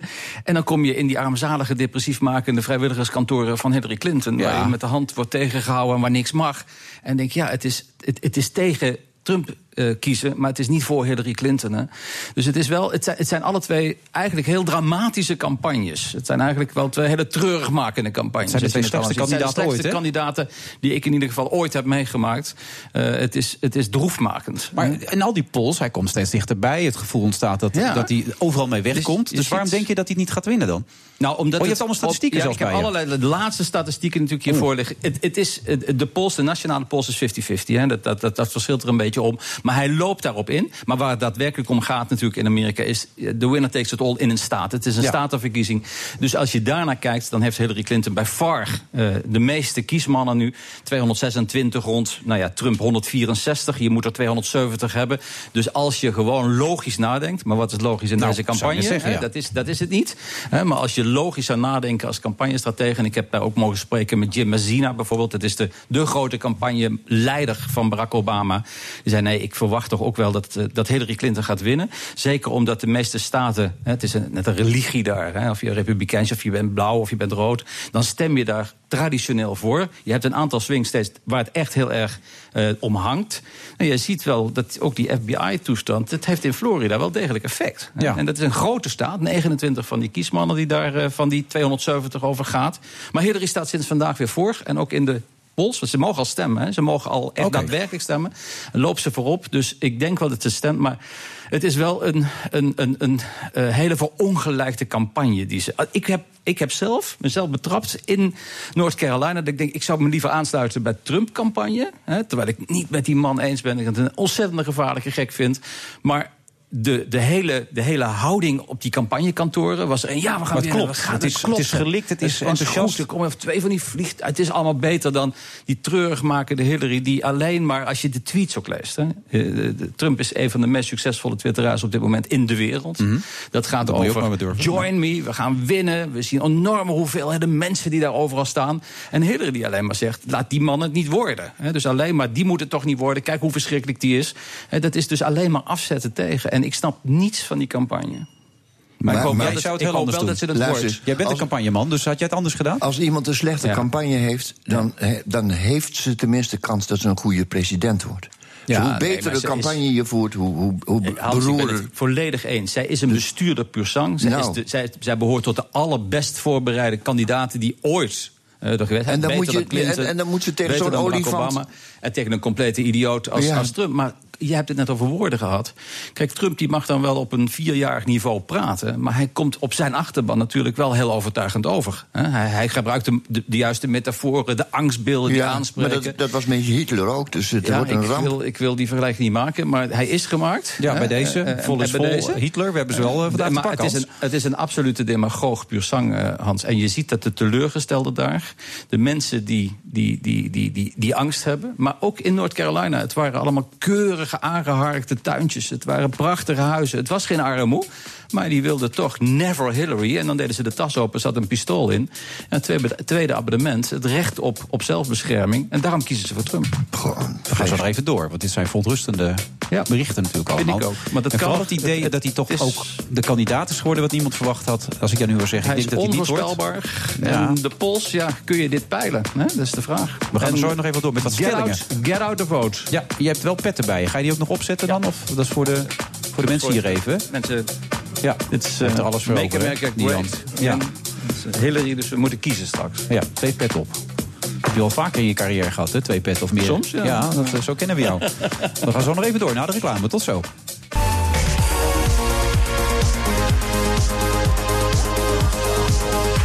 U eh, luisterde de Friday Move van vrijdag eh, 4, 4 november. We zitten in Arnhem bij Presikhof uh, Schoolmeubelen. Naast me zit Hans Dorrestein. We hebben zojuist het eh, gedicht gevonden, de Kerkhofganger. Dat gaat Hans straks voordragen. Nou, dan of we raken heel veel mensen kwijt... of, of mensen vinden het natuurlijk geweldig. Dat is een beetje altijd het risico dat we nemen.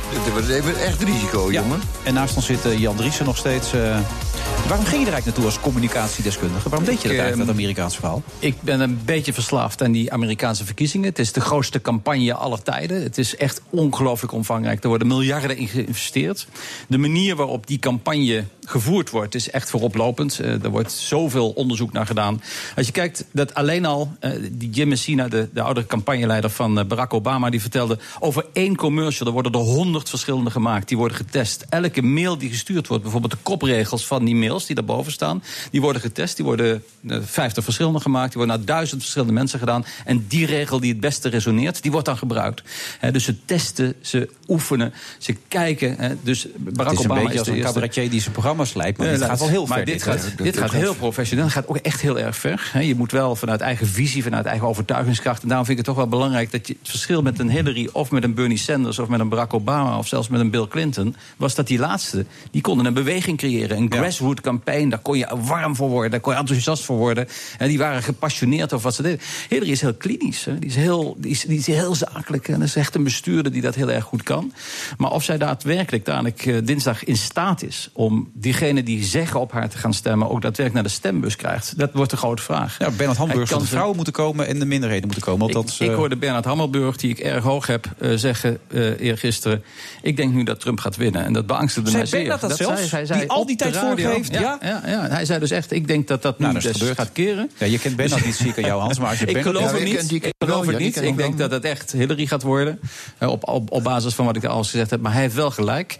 Het wordt wel een buitengewoon spannende en onvoorspelbare race. Omdat je dit eigenlijk niet kunt meten wie erop gaan komen. Dat werk. En als je kijkt naar de, naar de bijeenkomsten van Trump. Ja, het zijn giga-mega bijeenkomsten waar het enthousiasme steeds groter wordt. Dus hij is wel een beweging van succes en overwinning aan het creëren. Nou heeft Obama dat natuurlijk gelijk ge- ook in die periode gedaan. Yes, we can. Dat was een gevoel dat we allemaal nodig hadden. Het is niet uitgepakt zoals het moest uitpakken. Heeft dat nou ook invloed op, nog op het beleid of het, eh, de campagne Ah, van, ja, van je- Hillary? Wat, je, wat je ziet is dat de teleurstelling in de politiek natuurlijk heel breed verankerd is in de Ja. Amerikaanse samenleving. Ik heb nog nooit zo'n gepolariseerde, verharde eh, samenleving ontmoet als nu. Ik heb voor, eh, eh, voor Brandpunt, voor, eh, voor Netwerk, de Clinton-campagnes mogen volgen, Bush-campagne mogen volgen. Ik ben later nog, nog gaan kijken naar die Barack Obama-campagnes die daar plaatsvonden. Maar zo hard, zo gepolariseerd, zo respectloos naar elkaar heb ik het nooit eerder mogen meemaken. En dat heeft wel te maken met het feit dat die gridlock die daar zit, je, je bent gewoon deadlock. Je kunt niet, niet meer met elkaar regeren, omdat die verharding niks meer met politiek, maar alles met standpunten te maken heeft die de verschillende partijen nou eenmaal in, in, in greep houden.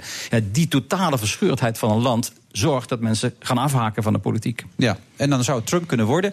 Eh, zou dat echt zo slecht zijn, denk jij, voor de wereld, als Trump het zou worden?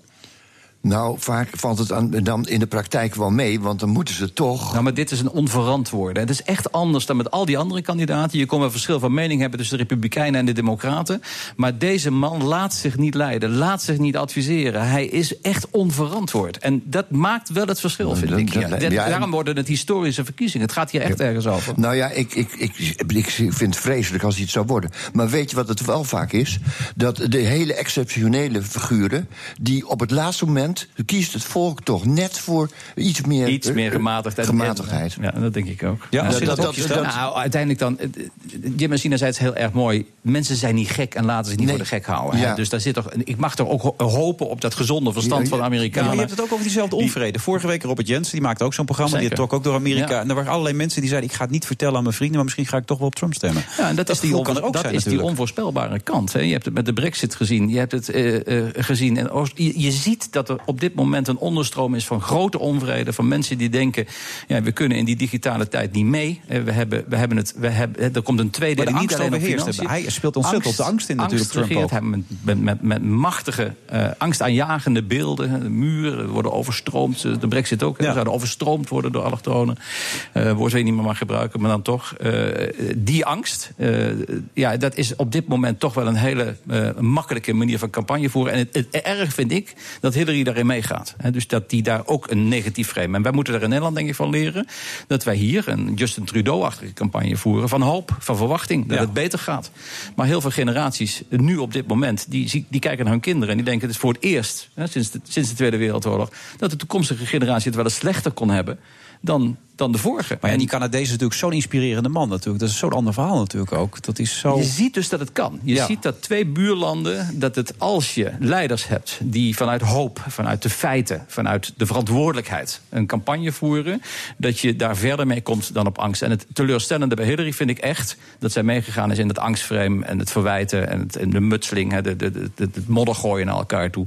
En Wat had ze anders moeten doen? Ik vind dat ze op basis van kracht en overtuiging en op haar basis van inhoud en eigen weg moet, moet, Ja, moet dat bewandelen. En alleen maar roepen: we gaan toch niet op Trump stemmen. Kijk eens wat een vreselijke man het is. Ik heb net in de auto nog, nog gekeken naar, naar, naar, naar, naar de tweets die zij de afgelopen dagen gestuurd heeft. Het is alleen maar verongelijkt. Het is alleen maar negatief. Ja, het is ook heel dom dat een paar weken geleden zei... ik had al lang op een hele grote voorsprong moeten staan. Als je dat zeggen het is- zelf, het en het is een onbegrijpelijke- dat vind ik wel weer eerlijk. onbegrijpelijke ouderwetse- maar ja, dat ouderwetse campagne. niet. Die snappen de, ik bedoel, jij zei net van jezelf dat je eigenlijk best heel goed Ja. was. Maar dat is Ja. leuk, want dat zeg je normaal gesproken niet. Dus dat maakt je heel leuk.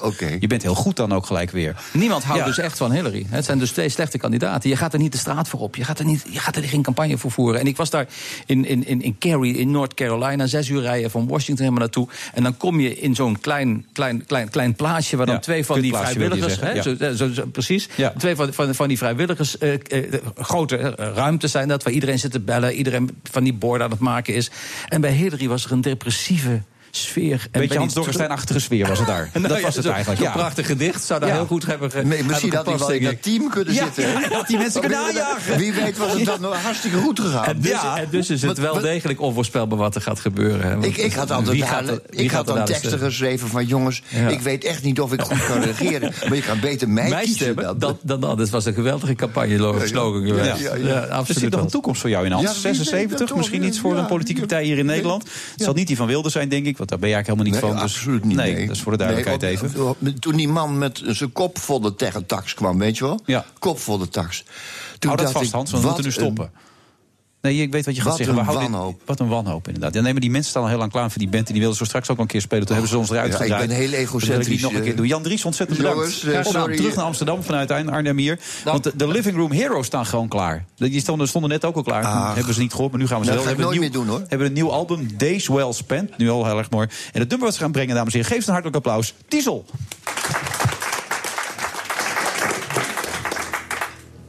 And I'm not stopping today. I'm not coming down. Got diesel pumping in my veins. I'm unstoppable.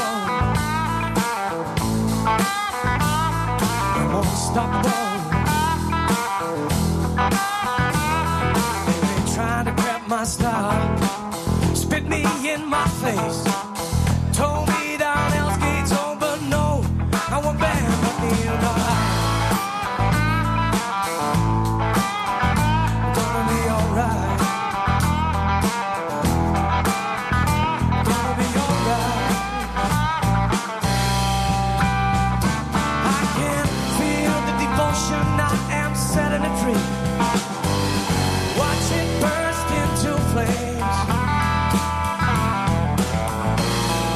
Punches from that giant fallout. Gonna do this all not just for me.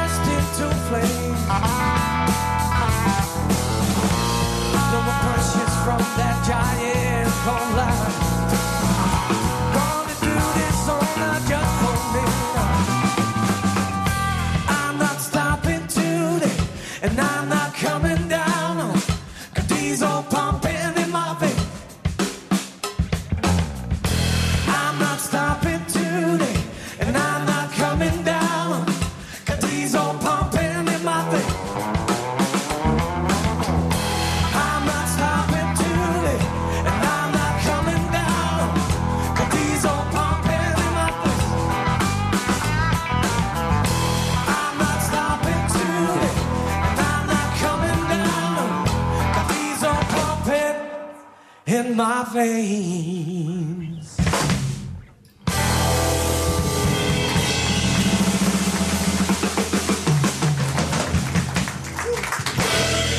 Ja, ja, dames en heren, de Living Room Heroes met het nummer Diesel. En ze staan volgens mij dit, eh, deze zondag in de Tramboer in Hogeveen. Nou, daar heb je alleen maar goede herinneringen aan, toch? De Tramboer. Ja, toch? Het was toch tam, de tamboer, hè? Waarom staat hier dan Tramboer? Ja, daar hebben ze een R bij gedaan, ik weet niet waarom. Is die nieuw of zo dan in Hogeveen? Nou, misschien dat we er even achter kunnen. Nee, de Tamboer is ook een eh, podium waar je weer leuke dingen hebt meegemaakt. Maar waar is die in Hogeveen? Ja, dat- ja, maar in het noorden had ik altijd wel... dat vonden ze me wel leuk. Wel leuk. Ja, waar niet eigenlijk? in Limburg. Niet? Nou, die heb ik er op een gegeven moment ook uitgedaan. Ja. Die, die, die zaten me aan te kijken. Niemand lacht? Nee, nooit. Nee. Je gedicht hou je even vast, want we gaan zo meteen het gedicht doen, dames en heren, na de reclame. Tot zo. BNR Nieuwsradio. The Friday Move. Thank you, Oma. Good job, Oma. I am sick and tired of the negative. It's about our United Kingdom and all our futures. Dat kan ik ook niet eh, bevestigen of ontkennen. Wilfred Genee. Belgen en Nederlanders verstaan elkaar wel, maar begrijpen elkaar niet. Je hoort zo waarom. En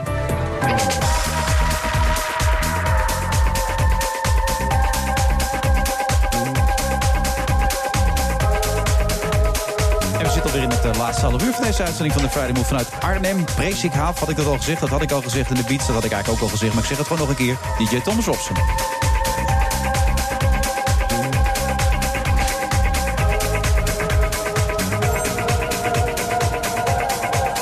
En naast me al twee uur lang Hans Dorrestein. En ik moet je eerlijk zeggen, Hans, je komt op me over als een, als een positief, vrolijk en uitgelaten mens tot nu toe eigenlijk, als ik heel eerlijk ben. Ja, maar ik, ik, met, ik ben mijn hele leven wel zo geweest als ik met vrienden was. Ik, Oh. ik- de, mijn vrienden, de, ja, dan knapte ik op. En, maar verder in de buitenwereld, ja, daar was ik er tamelijk beroerd aan toe, ja. Ja.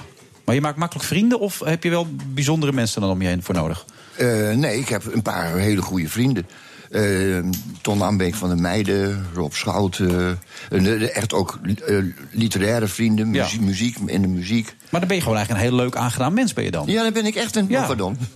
maar dat is toch eigenlijk Dat zegt de mens niet van zichzelf. Maar nee, Jawel. weet je waarom? Ik, ik lijk een beetje op Schubert. En dat was echt ook een beetje een sukkel. En eh, ook eenzaam, enzovoort, enzovoort. Maar, en eh, eh, ja, melancholiek. Maar als er vrienden waren, dan begon het leven. Ja. Dan is en het- dan vrienden en vrouwen. Als ik mensen om me heen heb en die ik ken, dan, dan knap ik echt op. Ook hier bij Presikhaven schijnen allemaal leuke mensen. Ja, dat merk ik ook aan je. Dat je heel ja, je Nou, fijn. Gelderland. Ja, Gelderland, top allemaal. En inmiddels is Evert van Wijk aan tafel gekomen. Ja, vind je ja. ook fijn, toch? Ja, vind ik hartstikke leuk. zaten net al wat wetenswaardigheden over de VPRO uit te wisselen enzovoort. Hij schrijft van het boek Valse Vrienden over de verschillen tussen Vlamingen en Nederlanders. Komt helemaal uit Briskens, begrijp ik Evert. Ja, dat klopt. Shitje, Mina, voor een boek Ja, even. dat zou je ik moet niet er wat gedaan voor hebben. hè? Ja, Dat nee. vind ik veel te ver. Ja, dat zou je niet Dat gedaan zou- hebben. nee, nee, dat verdom nee. ik. Nee, maar jij bent een ster en dat moet Evert nog worden natuurlijk. Evert, waarom heb je dit boek geschreven? Eh, ik heb dat boek geschreven omdat... eh, Kijk, is nou echt zo'n vraag die je moet stellen dan als iemand met een boek komt. Ja. Omdat eh, Vlamingen eigenlijk helemaal niet van, eh, van Nederlands houden. Erger nog, die hebben een gruwelijke hekel aan Nederlands. En eh, dat Maar is. hoe weet je dat zo zeker? Ik heb er net 30 jaar gewoond. En ik ben. Maar het eh, kon niet zo zijn dat ze alleen een hekel aan jou hadden dan? Of je, je, je generaliseert het nu gelijk, dat vind ik wel ver gaan dit. Maar Dat is- je kan bij hem echt met je, met je pro- problemen niet eh, de, aankomen. Want nee, maar ga even door even. Jij Nee, denkt dat, dat- al die Belgen ontzettend een hekel aan ons hebben. Ja, dat klopt, want ehm, er is een, is een eh, gezegde in België... als een, een Hollander je niet bedrogen heeft, dan is je het vergeten. en eh, ja, dat is natuurlijk niet zo mooi als je Ik dat hou over je, daarvan, hoor. over, je, over je buurman eh, zegt. Hè. En vorig jaar heeft eh, Studio Brussel nog een enquête gedaan onder jongeren... En eh, toen werd gevraagd waar je de meeste hekel aan hebt als je naar popfestivals gaat. Ja. En dat waren dus geen eh, stinkende wc's of blerende kinderen of stortende, naar beneden komende regen. Maar het waren Hollanders. Want eh, ja, die, eh, die maakten kabaal, die liepen in rare pakjes rond. Nou, je schrijft ook in je inleiding dat, het, dat als Nederland uitgeschakeld wordt... dat het eigenlijk een grote feest is en dat België zich kwalificeert. Daar komt het bijna op neer. Ja, dat was ook lees. zo. Hè? Toen, eh, toen België zich kwalificeerde. wat was het voor de FIFA-standaard? hè? Nummer 1 in de FIFA-ranking. Ja. Toen, toen was het eerste wat Vincent Company zei: dat is, ja, de Hollanders liggen eruit. En wij zijn eh, gekwalificeerd. Dus eh het draait is waar je je mee bezighoudt. Ja. Maar ik moet maar er dan heb je toch ook een eerlijkheidshalve... van een minderwaardigheidscomplex... als je het zo omschrijft. Ja, maar ik moet er eerlijkheidshalve wel bij zeggen dat, eh, eh, dat die Hollanderhaat, om het zo maar even te noemen, dat het ook wel een beetje komt omdat veel Nederlanders dat over zichzelf afroepen. Oh. Ja, ja, en eh, ja, ik heb daar zelf, ik, heb, ik zeg net, ik heb er 30 jaar gewoond. Ik heb eens een keer een situatie meegemaakt dat ik in een apotheekwinkel stond. En voor mij was een Nederlands meisje en die vroeg eh paracetamol of weet ik wat. Iets wat je normaal gesproken wel in een apotheekwinkel moet hebben. En die mevrouw zei, sorry, ik ben er doorheen. En dat Nederlandse meisje begon daar een scène te maken. Nou, ik, ik kreeg gewoon als Nederlander plaatsvervangende schaamte. Ik zei dat ook tegen die eh, mevrouw die achter de toonbank stond. Ik zeg, ik schaam me nu dat ik een, Nederlander ben. Dat ik, ik, ik, ik heb zo, zo, zoveel plaatsvervangende schaamte.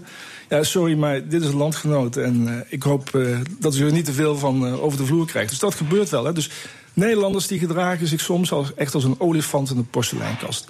Herken je dit, Hans? Want als jij daar komt, ja, je had de laaiend enthousiaste menigte... daar altijd na afloop, begreep ik, als je optrad. Nee, nou, meestal niet. Ik stond ook in veel te grote theaters, want ze hebben, ze hebben daar niet gewoon een kleine theatertje. Dat waren van die enorme schouwburgen. En er, zaten, er konden er twee, drieduizend man in en er zaten er maar twee of driehonderd. En dan hoorde je helemaal niks. Niemand lachte. Nou, de- nou, nou lacht het ook niet zo prettig in een lege zaal. Maar na, na, na, dan kwamen ze na afloop wel... Dan noemden ze, noemden ze me maestro... En dan zeiden ze dat ze kapot gelachen had. Ik had, dan zei ik, had, had het laten merken. Ja, Ja, dat, is typisch Belgisch. Dat doen? Belgen niet, Ja, hè? nee. Die zijn, kijk, wij, wij hebben zo'n vooroordeel over België. We denken dat, ze heel, dat het een heel jolig en plezant volkje is. Ja. Maar dat is dus helemaal niet waar. Hè? Ze zijn heel erg gereserveerd. Als je kijkt eh, waar de meeste antidepressieven worden gebruikt. Oh ja, ook nog? Dan In is België? dat, is dat in België. Ik dacht in Nederland meer, maar in Ja. België nee, is nee, nog meer. Absoluut, eh, Ja, absoluut, nou, absoluut, ja, maar absoluut dat veel meer. Oh, de Zelfmoorden. het Depressief aantal- volk, ja? Ja, aantal zelfmoorden. Ja, maar Wallonië is ook sowieso, niet om te Nou, leven. als je daar in, Luik bijvoorbeeld In Wallonië heb je juist wat minder zelfmoorden. Het, Oh. is, het is vooral in Vlaanderen. Oh, in een beetje Wallonië- Belgen houden van beroer- beroerde omstandigheden. Dat is het misschien een beetje. Ja, koest- niet helemaal. Want, want, Zijn in het op. Ja, want ze zijn natuurlijk wel eh Bourgondisch. Dat klopt wel. Hè. Kijk, als je, als je aan een Belg vraagt hoe hij het heeft gehad... eh, als hij van vakantie terugkomt, dan zegt hij... ik heb goed gegeten. Ja, een Nederlander zegt, ik heb mooi weer gehad. Dus dat klopt, dat klopt wel. Dus dat een Belg echt wel van eten en drinken houdt. Ja. Maar je zegt ondertussen ook in die inleiding dat het eigenlijk een surrealistisch land is. Dat het eigenlijk niet echt bestaat, België. Of heb ik dat verkeerd begrepen Nee, dat, heb dat heeft u helemaal goed begrepen. Oh, gelukkig. België is eigenlijk een, eh, is een, is een uitvinding eh, ja, van, ja, van de geallieerden van destijds die, de, die Napoleon versloegen. Die hadden toen uitgevonden dat de invloed van de Fransen wat gestopt moest worden. En toen is besloten om de zuidelijke Nederlanden samen te Ja. voegen met, een, met de noordelijke Nederlanden. Dat heeft 15 jaar geduurd, want ja, die, na 15 jaar waren die Belgen ja, ons natuurlijk ook hartstikke beu. En eh, dat heeft er dus toe geleid dat, eh, dat er dus weer opnieuw een afscheuring is ontstaan. En die 400 jaar, eh, ik wou eigenlijk zeggen, eigenlijk hebben wij een gedeelde geschiedenis, of eigenlijk een geschiedenis die totaal anders is. En daar ligt dan ook een beetje de kern van het Ja. probleem. Overigens vind ik, het is allemaal onzin. Hoor. Er kan nooit een verschil zijn, zo'n groot verschil zijn tussen twee volkeren. Dat is niet Eh, waar, Hans. Ik zal je vertellen, daar is sociologisch onderzoek naar gedaan. En daar is eh, uit naar voren gekomen dat er in Europa geen twee landen die aan elkaar grenzen zo enorm ja, verschillen als België en Nederland. Dus Ja. Ik verzin het zelf ook niet. Hoor. Nee, maar kijk, neem, neem, kijk die, die Belgen, nou, dit klinkt, namelijk niet zo prachtig... maar de- ze hebben de grootste kunstenaars, die, die, zoals Raymond van het Groenewoud... of Jacques Brel of Willem Elschot. Ze kunnen namelijk veel meer krankzinnigheid van hun medemensen verdragen dan de Nederlanders. Ze zijn verdraagzamer. Ja, ik denk, ik denk eh, zeker als je het eh, gaat zoeken in de surrealistische hoek. Ja, hè, dat- dat eh, zeg je, ja, ja. Dat, is, dat, is, eh, dat is natuurlijk, daar zijn ze uniek in. Oh, maar weet je, het allermooiste meisje dat ik ooit in mijn jeugd ontmoet Daar komt ze, dames en heren. Ja, daar staat op te wachten. Daar, ver- Tom, dat was op de expo in, in Brussel. Dan heb je toch hopelijk niet gezegd eh, dat je moest gaan poepen, hè? Nee, maar dat zou Je, ik je weet nooit wat dat betekent in België? Ja, dat is, eh, dat is... Dat is namelijk ook een valse vriend. Ja, wat is dat ook weer? De daad verricht is Nou, dat. De daad, dat, Ja. nee. Ja. Daar, dat, daar was ik veel te netjes voor, maar zij ook. Maar die, dat, die werkte daar bij de, op de expo. En die, dat was het eerste knappe meisje dat mij serieus nam in mijn hele leven tot dan toe. Ik was eh, misschien 21. Krijg je een. Belg, dan is het meteen Dat anders. was toch, nou, Ja. dat, wat dat betreft kunnen ze niet meer kapot. Nee, maar is het wat geworden toen, echt serieus? Nee, joh, maar ja, ik, heb, ik had een heerlijk gesprek met haar. Oh, Daar ben ik oké. al blij. Maar ze heeft nog wel met een koele handje op Ja, ja, bovenarm ze- aangeraakt? Ze heeft het nog even aangedaan. Oké, fijn. Hey, met dit boek, Evert, kunnen we een beetje de verstandhouding verbeteren? Als de vrienden van ja. Evert van Wijk, ja? Ja, kijk, ik heb dat boek geschreven, er zijn heel veel boeken geschreven over eh, België en eh, hoe het daar naartoe gaat. Maar dat zijn vaak van die hele zalvende verhalen. Eh, in dit boek heb ik bewust de geit en de kool niet gespaard. Ik heb gewoon echt de pijnpunten aangeraakt. En dat moet ook, want als je de samenwerking wil bevorderen, want die samenwerking gaat vaak goed fout, dan moet je natuurlijk ook starten vanuit de werkelijke situatie. Wat je dus eigenlijk wat- zegt, Evert, met dit boek komt het uiteindelijk goed tussen de Nederlanders en de Belgen. Dat is wat je eigenlijk zegt. Dat is, dat is zeker de bedoeling. Ik geef ook heel veel eh, ja, workshops aan bedrijven, Benelux-bedrijven. hè, Want dat is ook weer zo. Ik probeer af te ronden, Evert, maar dat heb jij niet door, hè? Dat is de meest kranke joh. Nee, dat gaat gewoon door. Nee, dat merk ik aan je, Evert. Ja? Ik probeer er een leuke apotheose van te maken. Door te zeggen dat dit het boek de oplossing is voor de situatie tussen de Nederlanders en de Belgen. Valse vrienden van Evert van Wijk. Ja, zo is het. Zullen we daarbij laten? Ja, nou, daar ben ik, ik sluit me helemaal bij Ja, aan. veel plezier terug naar Breskens. 2,5 Dankjewel. uur in de auto, kun je hierover nadenken.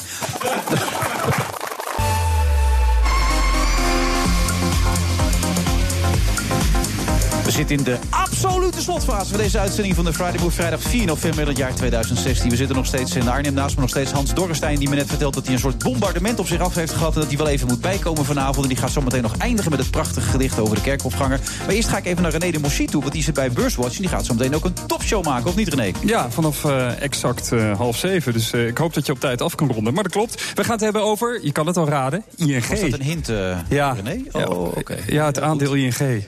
Ja. Ja, Ja. nee, dat wist ik al, dat je dat zou gaan doen. Ja, en toch gaan we het daarover hebben. Wat zei je? Ja, dat afronden gaat me nou opeens ook niet meer lukken, heb ik nou alweer door. Dus Nou, eh, ja, ING Nou, dus. ING gaan we het over hebben. En natuurlijk, hoe maak je je eh, beleggingsportefeuille Trump-proof of Clinton-proof wellicht. Kortom, die Amerikaanse verkiezingen die houden de beleggingsmarkten nu echt in de greep. Daar gaan we het over hebben. Onder andere met Wim Zwanenburg van Stroeven en Lemberger en eh, Lucas Daalder van Robeco. Fantastisch. Dat eh zometeen dus in de Beurswatch. We gaan nog even eindigen met, met, met Hans. En Hansje, ik moet zeggen, ik vond het aangenaam dat je er was. Ik hoop dat je het zelf ook zo hebt Ja, ervaren. ik vond het ontzettend leuk. Maar je vond het pittig ook. vermoeiend. Heel Ja. vermoeiend. Je bent Ja. gewoon vermoeiend. Ik ben, ja, dat zegt mijn vrouw ook altijd, inderdaad. Ja. Maar eh, kunnen we nog dingen van jou verwachten? 76, je staat weer in het podium, op het podium natuurlijk met je programma. Het einde Nou, is zoek. Dat is bizar, maar ik, heb, ik wil eigenlijk nog een keer iets heel goeds maken. Maar hoe zit dat met het boek waar je al de hele tijd mee bezig bent? Ik kwam hem ook tegen krachtputten uit prachtkutten. Komt dat nog of niet? Nou, daar ben ik al op het derde hoofdstuk. ja, daar ben je nog steeds mee bezig. Daar ben je al een tijd mee bezig, toch, met dat boek? Of eh, komt het er echt Nee, nooit? Dat heb, ik, dat heb ik verzonnen. Ik vond het een hartstikke het een leuke geweldige titel, namelijk. Ja, ik ook. Maar het gaat er niet komen, dat boek. Ik vrees het niet. Je wil voorlezen, maar ik wil nog even weten wat je dan verder gaat doen nog. Want nou je ja, nog ik wil iets nog. fantastisch Ik ga maken. nu. Ik, kijk, ik, ik heb een, een, een, een jaar geleden opgetreden met Zazie. Dat waren drie meiden waar jij je dus je petje voor af zou nemen. Ja? Meer dan dat of niet? Ik, hè? Nee, ga door. Oh, nee, dat, nee, waren- nee. dat zijn zulke schone. Ja, Ja, nee. afnemen, ja. Ja. Schoonheden. Dat, voor het eerst, de, de zalen zaten vol met mannen vanaf Ja. dat moment. En die zaten allemaal naar me te kijken met een blik. Dat hadden ze nog nooit gedaan. Van stond ik daar maar Ja. op het podium. Ehm, maar nu ga ik optreden met Ingmar Heitse en vrouwtje Tuinman en uh, Dekwies. Eh, Tuurlijk. eh, Leuk. Dus er wordt een literair programma. En dat gaat over eh, ja, gekte, Ja, ehm, neuroses, heerlijk lijkt me dat. afwijkingen. Ja, waar we allemaal eigenlijk als mens last van hebben. Alleen de een... De een wat meer dan de ander, Dan de wil je gaan zeggen. En dan moet Ja. je mij niet zo aankijken, ja. Nee. Zou ik hem doen? Nou, nee. Ik wil nog, nee, want je wilt, dat, ja, laat, doe het ook maar gewoon, weet je wel. Dan ben je er ook vanaf. Dames en heren, hier is hij tot slot, hè, met de, de kerkhofganger. Ja. En eh, u mag blijven zitten, maar u kunt ook weggaan. Ja. Maar het is Ja, inspirerend ik zou het wel dit. fijn vinden als de mensen allemaal wegliepen. Ja. Dat, daar, ben ik, daar ben ik mee vertrouwd. Ja. Dus het heet de, kerkhof, de kerkhofganger. En het refrein is het kerkhof, het kerkhof, het kerkhof bij nacht. Het kerkhof, het kerkhof, het kerkhof bij nacht. Maar dat ga ik verder overslaan. En want eigenlijk moeten die mensen in de zaal dat meedoen, kan ik me ja, maar herinneren. ja, daar, daar- daar zijn te weinig mensen voor. Oké. En de- anders duurt het te lang. Wat ritselt op de achterweg, de Dalmse steeg voorbij. Er glipt een schaduw langs de heg, onder de bomenrij. De wind kreunt in de oude eiken. Hij kan geen hand voor ogen kijken, maar de maan breekt door het wolkendek en hij klimt over de muur, de gek. Bij een vers gedolven graf werpt hij zijn mantel af. Hij stoort een dode in haar rust, want zie, hij bukt en bukt en kust. Bij de maan haar schaarse licht kust hij haar marmerbleek gezicht. Dan scheurt hij zijn hemd van het lijf, bespringt de dode, koud en stijf. Hij rukt de kleding van de vrouw, huiverend van genot en kou. Levende vrouwen zijn hem te heet, te willig met hun lucht van zweet. Bij het kreunen van de eiken schendt hij nog een drietal lijken. Daar krast de raaf, daar roept de uil, hij opent nog een verse kuil. Van vrouwen lijken met lang haar breekt hij de benen van elkaar. We zien een dode half vergaan, maar daar trekt hij zich niks van aan. Haar borsten zijn al weg aan het rotten. Zacht haar schedel, broos haar botten. Eindelijk komt hij hijgend af en kruipt bevredigd uit het graf. Voor hij huiswaarts zal gaan keren, klopt hij de maden uit zijn kleren. En na het horen van dit lied is een pedofiel zo erg nog niet. Was je vergeten, hè? Ja, dat was ik vergeten, ja. ik weet niet of iedereen in de file hiervan genoten heeft... maar ik kan me voorstellen dat de meeste mensen het niet recht hebben kunnen houden. nou, het was een, eh, een prachtig einde, wil ik haar zeggen, Hans. Ja, voor ja, deze... dat vind ik zelf, hè? Ja. ja. ja, ik zie jou ook. Je bent weer helemaal terug. Hè? Ja, je bent er weer bij. nou, als je nog meer van dat soort dingen kan maken in de toekomst... dan eh, hoop ik Nou, dat je nog... bijvoorbeeld zo, ja. Ja, dat je, Kerkhoffganger 2. ja, dat je nog een hele tijd onder ons mag zijn, eh, wat dat betreft, eh, Hans. Ik vond het geweldig dat je er was. Als ja. groot fan, en ik heb gezegd dat ik je geweldig vond... maar dat vind ik ook echt. Ja, hè? Want ik bedoel, wat ik al zei... 28 jaar geleden in die hele kleine kleedkamer... waar je echt erbij stond alsof je elk ogenblik een touw kon pakken. Dit is een stuk beter met je gegaan sindsdien. Echt waar, nou, Ja. ik zie het nog voor me, ja. Ja, het was een hoogtepuntje in ons eigen bestaan. Voor ons allebei. Goed dat je er was. Volgende week zijn we er weer met een nieuwe uitzending van de Friday Move. Dan zitten we niet hier in Arnhem bij Presikhaaf. eh schoolmeubelen. Ja. Ja, ik moest er even over nadenken. Ga gelijk allemaal mensen schoolmeubelen roepen. Ja, Arend. Maar dan zitten we ergens anders. Arend moet ik er ook nog bij roepen. Maar dan zitten we heel ergens anders waar. Daar komen we volgende week achter. Bedankt voor het luisteren en tot volgende week. Dag. Schoolmeubelen, dat was het. WhatsApp in de basentijd, moet dat kunnen? Eh, ja, ja, ja, ja, ja. En dan zie je dat het dus nu weer fout is gegaan in Nederland. Dat de Duitsers aan Nederland dingen doorgeven. En dat binnen Nederland de communicatie gewoon hopeloos vastloopt. Er is een soort eh, rare urban legend dat er zeven verschillen regels zou bestaan. Dat is taal die mij erg aanstaat. De oudste rechter. Maar meneer Cliteur, meneer Velter is er toch voor veroordeeld? Daar kan ik wat mee. Daar ben ik het ook erg mee eens. Zonder meer. Dus ik ben weer aan de gang eh, gegaan en ik merk toch dat ik van sporten heel erg blij en gelukkig word. word, word. Dat betekent dat we, dat we slim moeten, moeten zijn, goed moeten, moeten samenwerken. Waar Nederland het vooral niet zo goed in doet, dat is eh, milieu en klimaat. Nou, u zei het net al, hè? het is mistig buiten. Eh, dat geldt ook voor dit verdrag.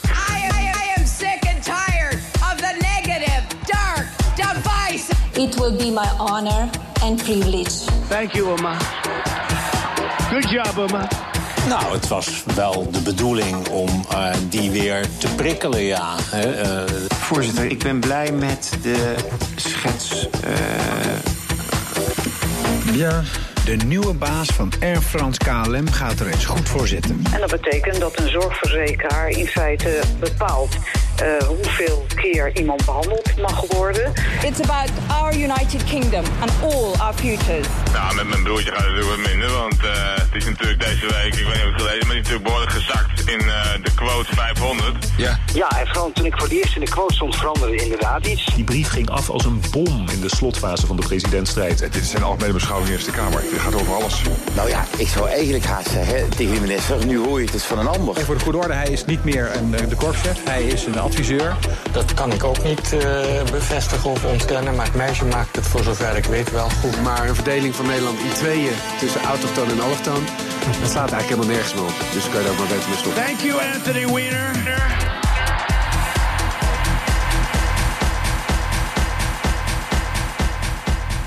De Friday Move wordt mede mogelijk gemaakt door Arend. Voor een slimme en gezonde werkomgeving. Daden zijn duurzamer dan woorden. Bij PwC geloven we dat de uitdagingen van de toekomst vragen om een ander perspectief. Door deze uitdagingen van alle kanten te bekijken, komen we samen tot duurzame oplossingen. Zo zetten we duurzaamheidsambities om in acties die ertoe doen. Ga naar pwc.nl.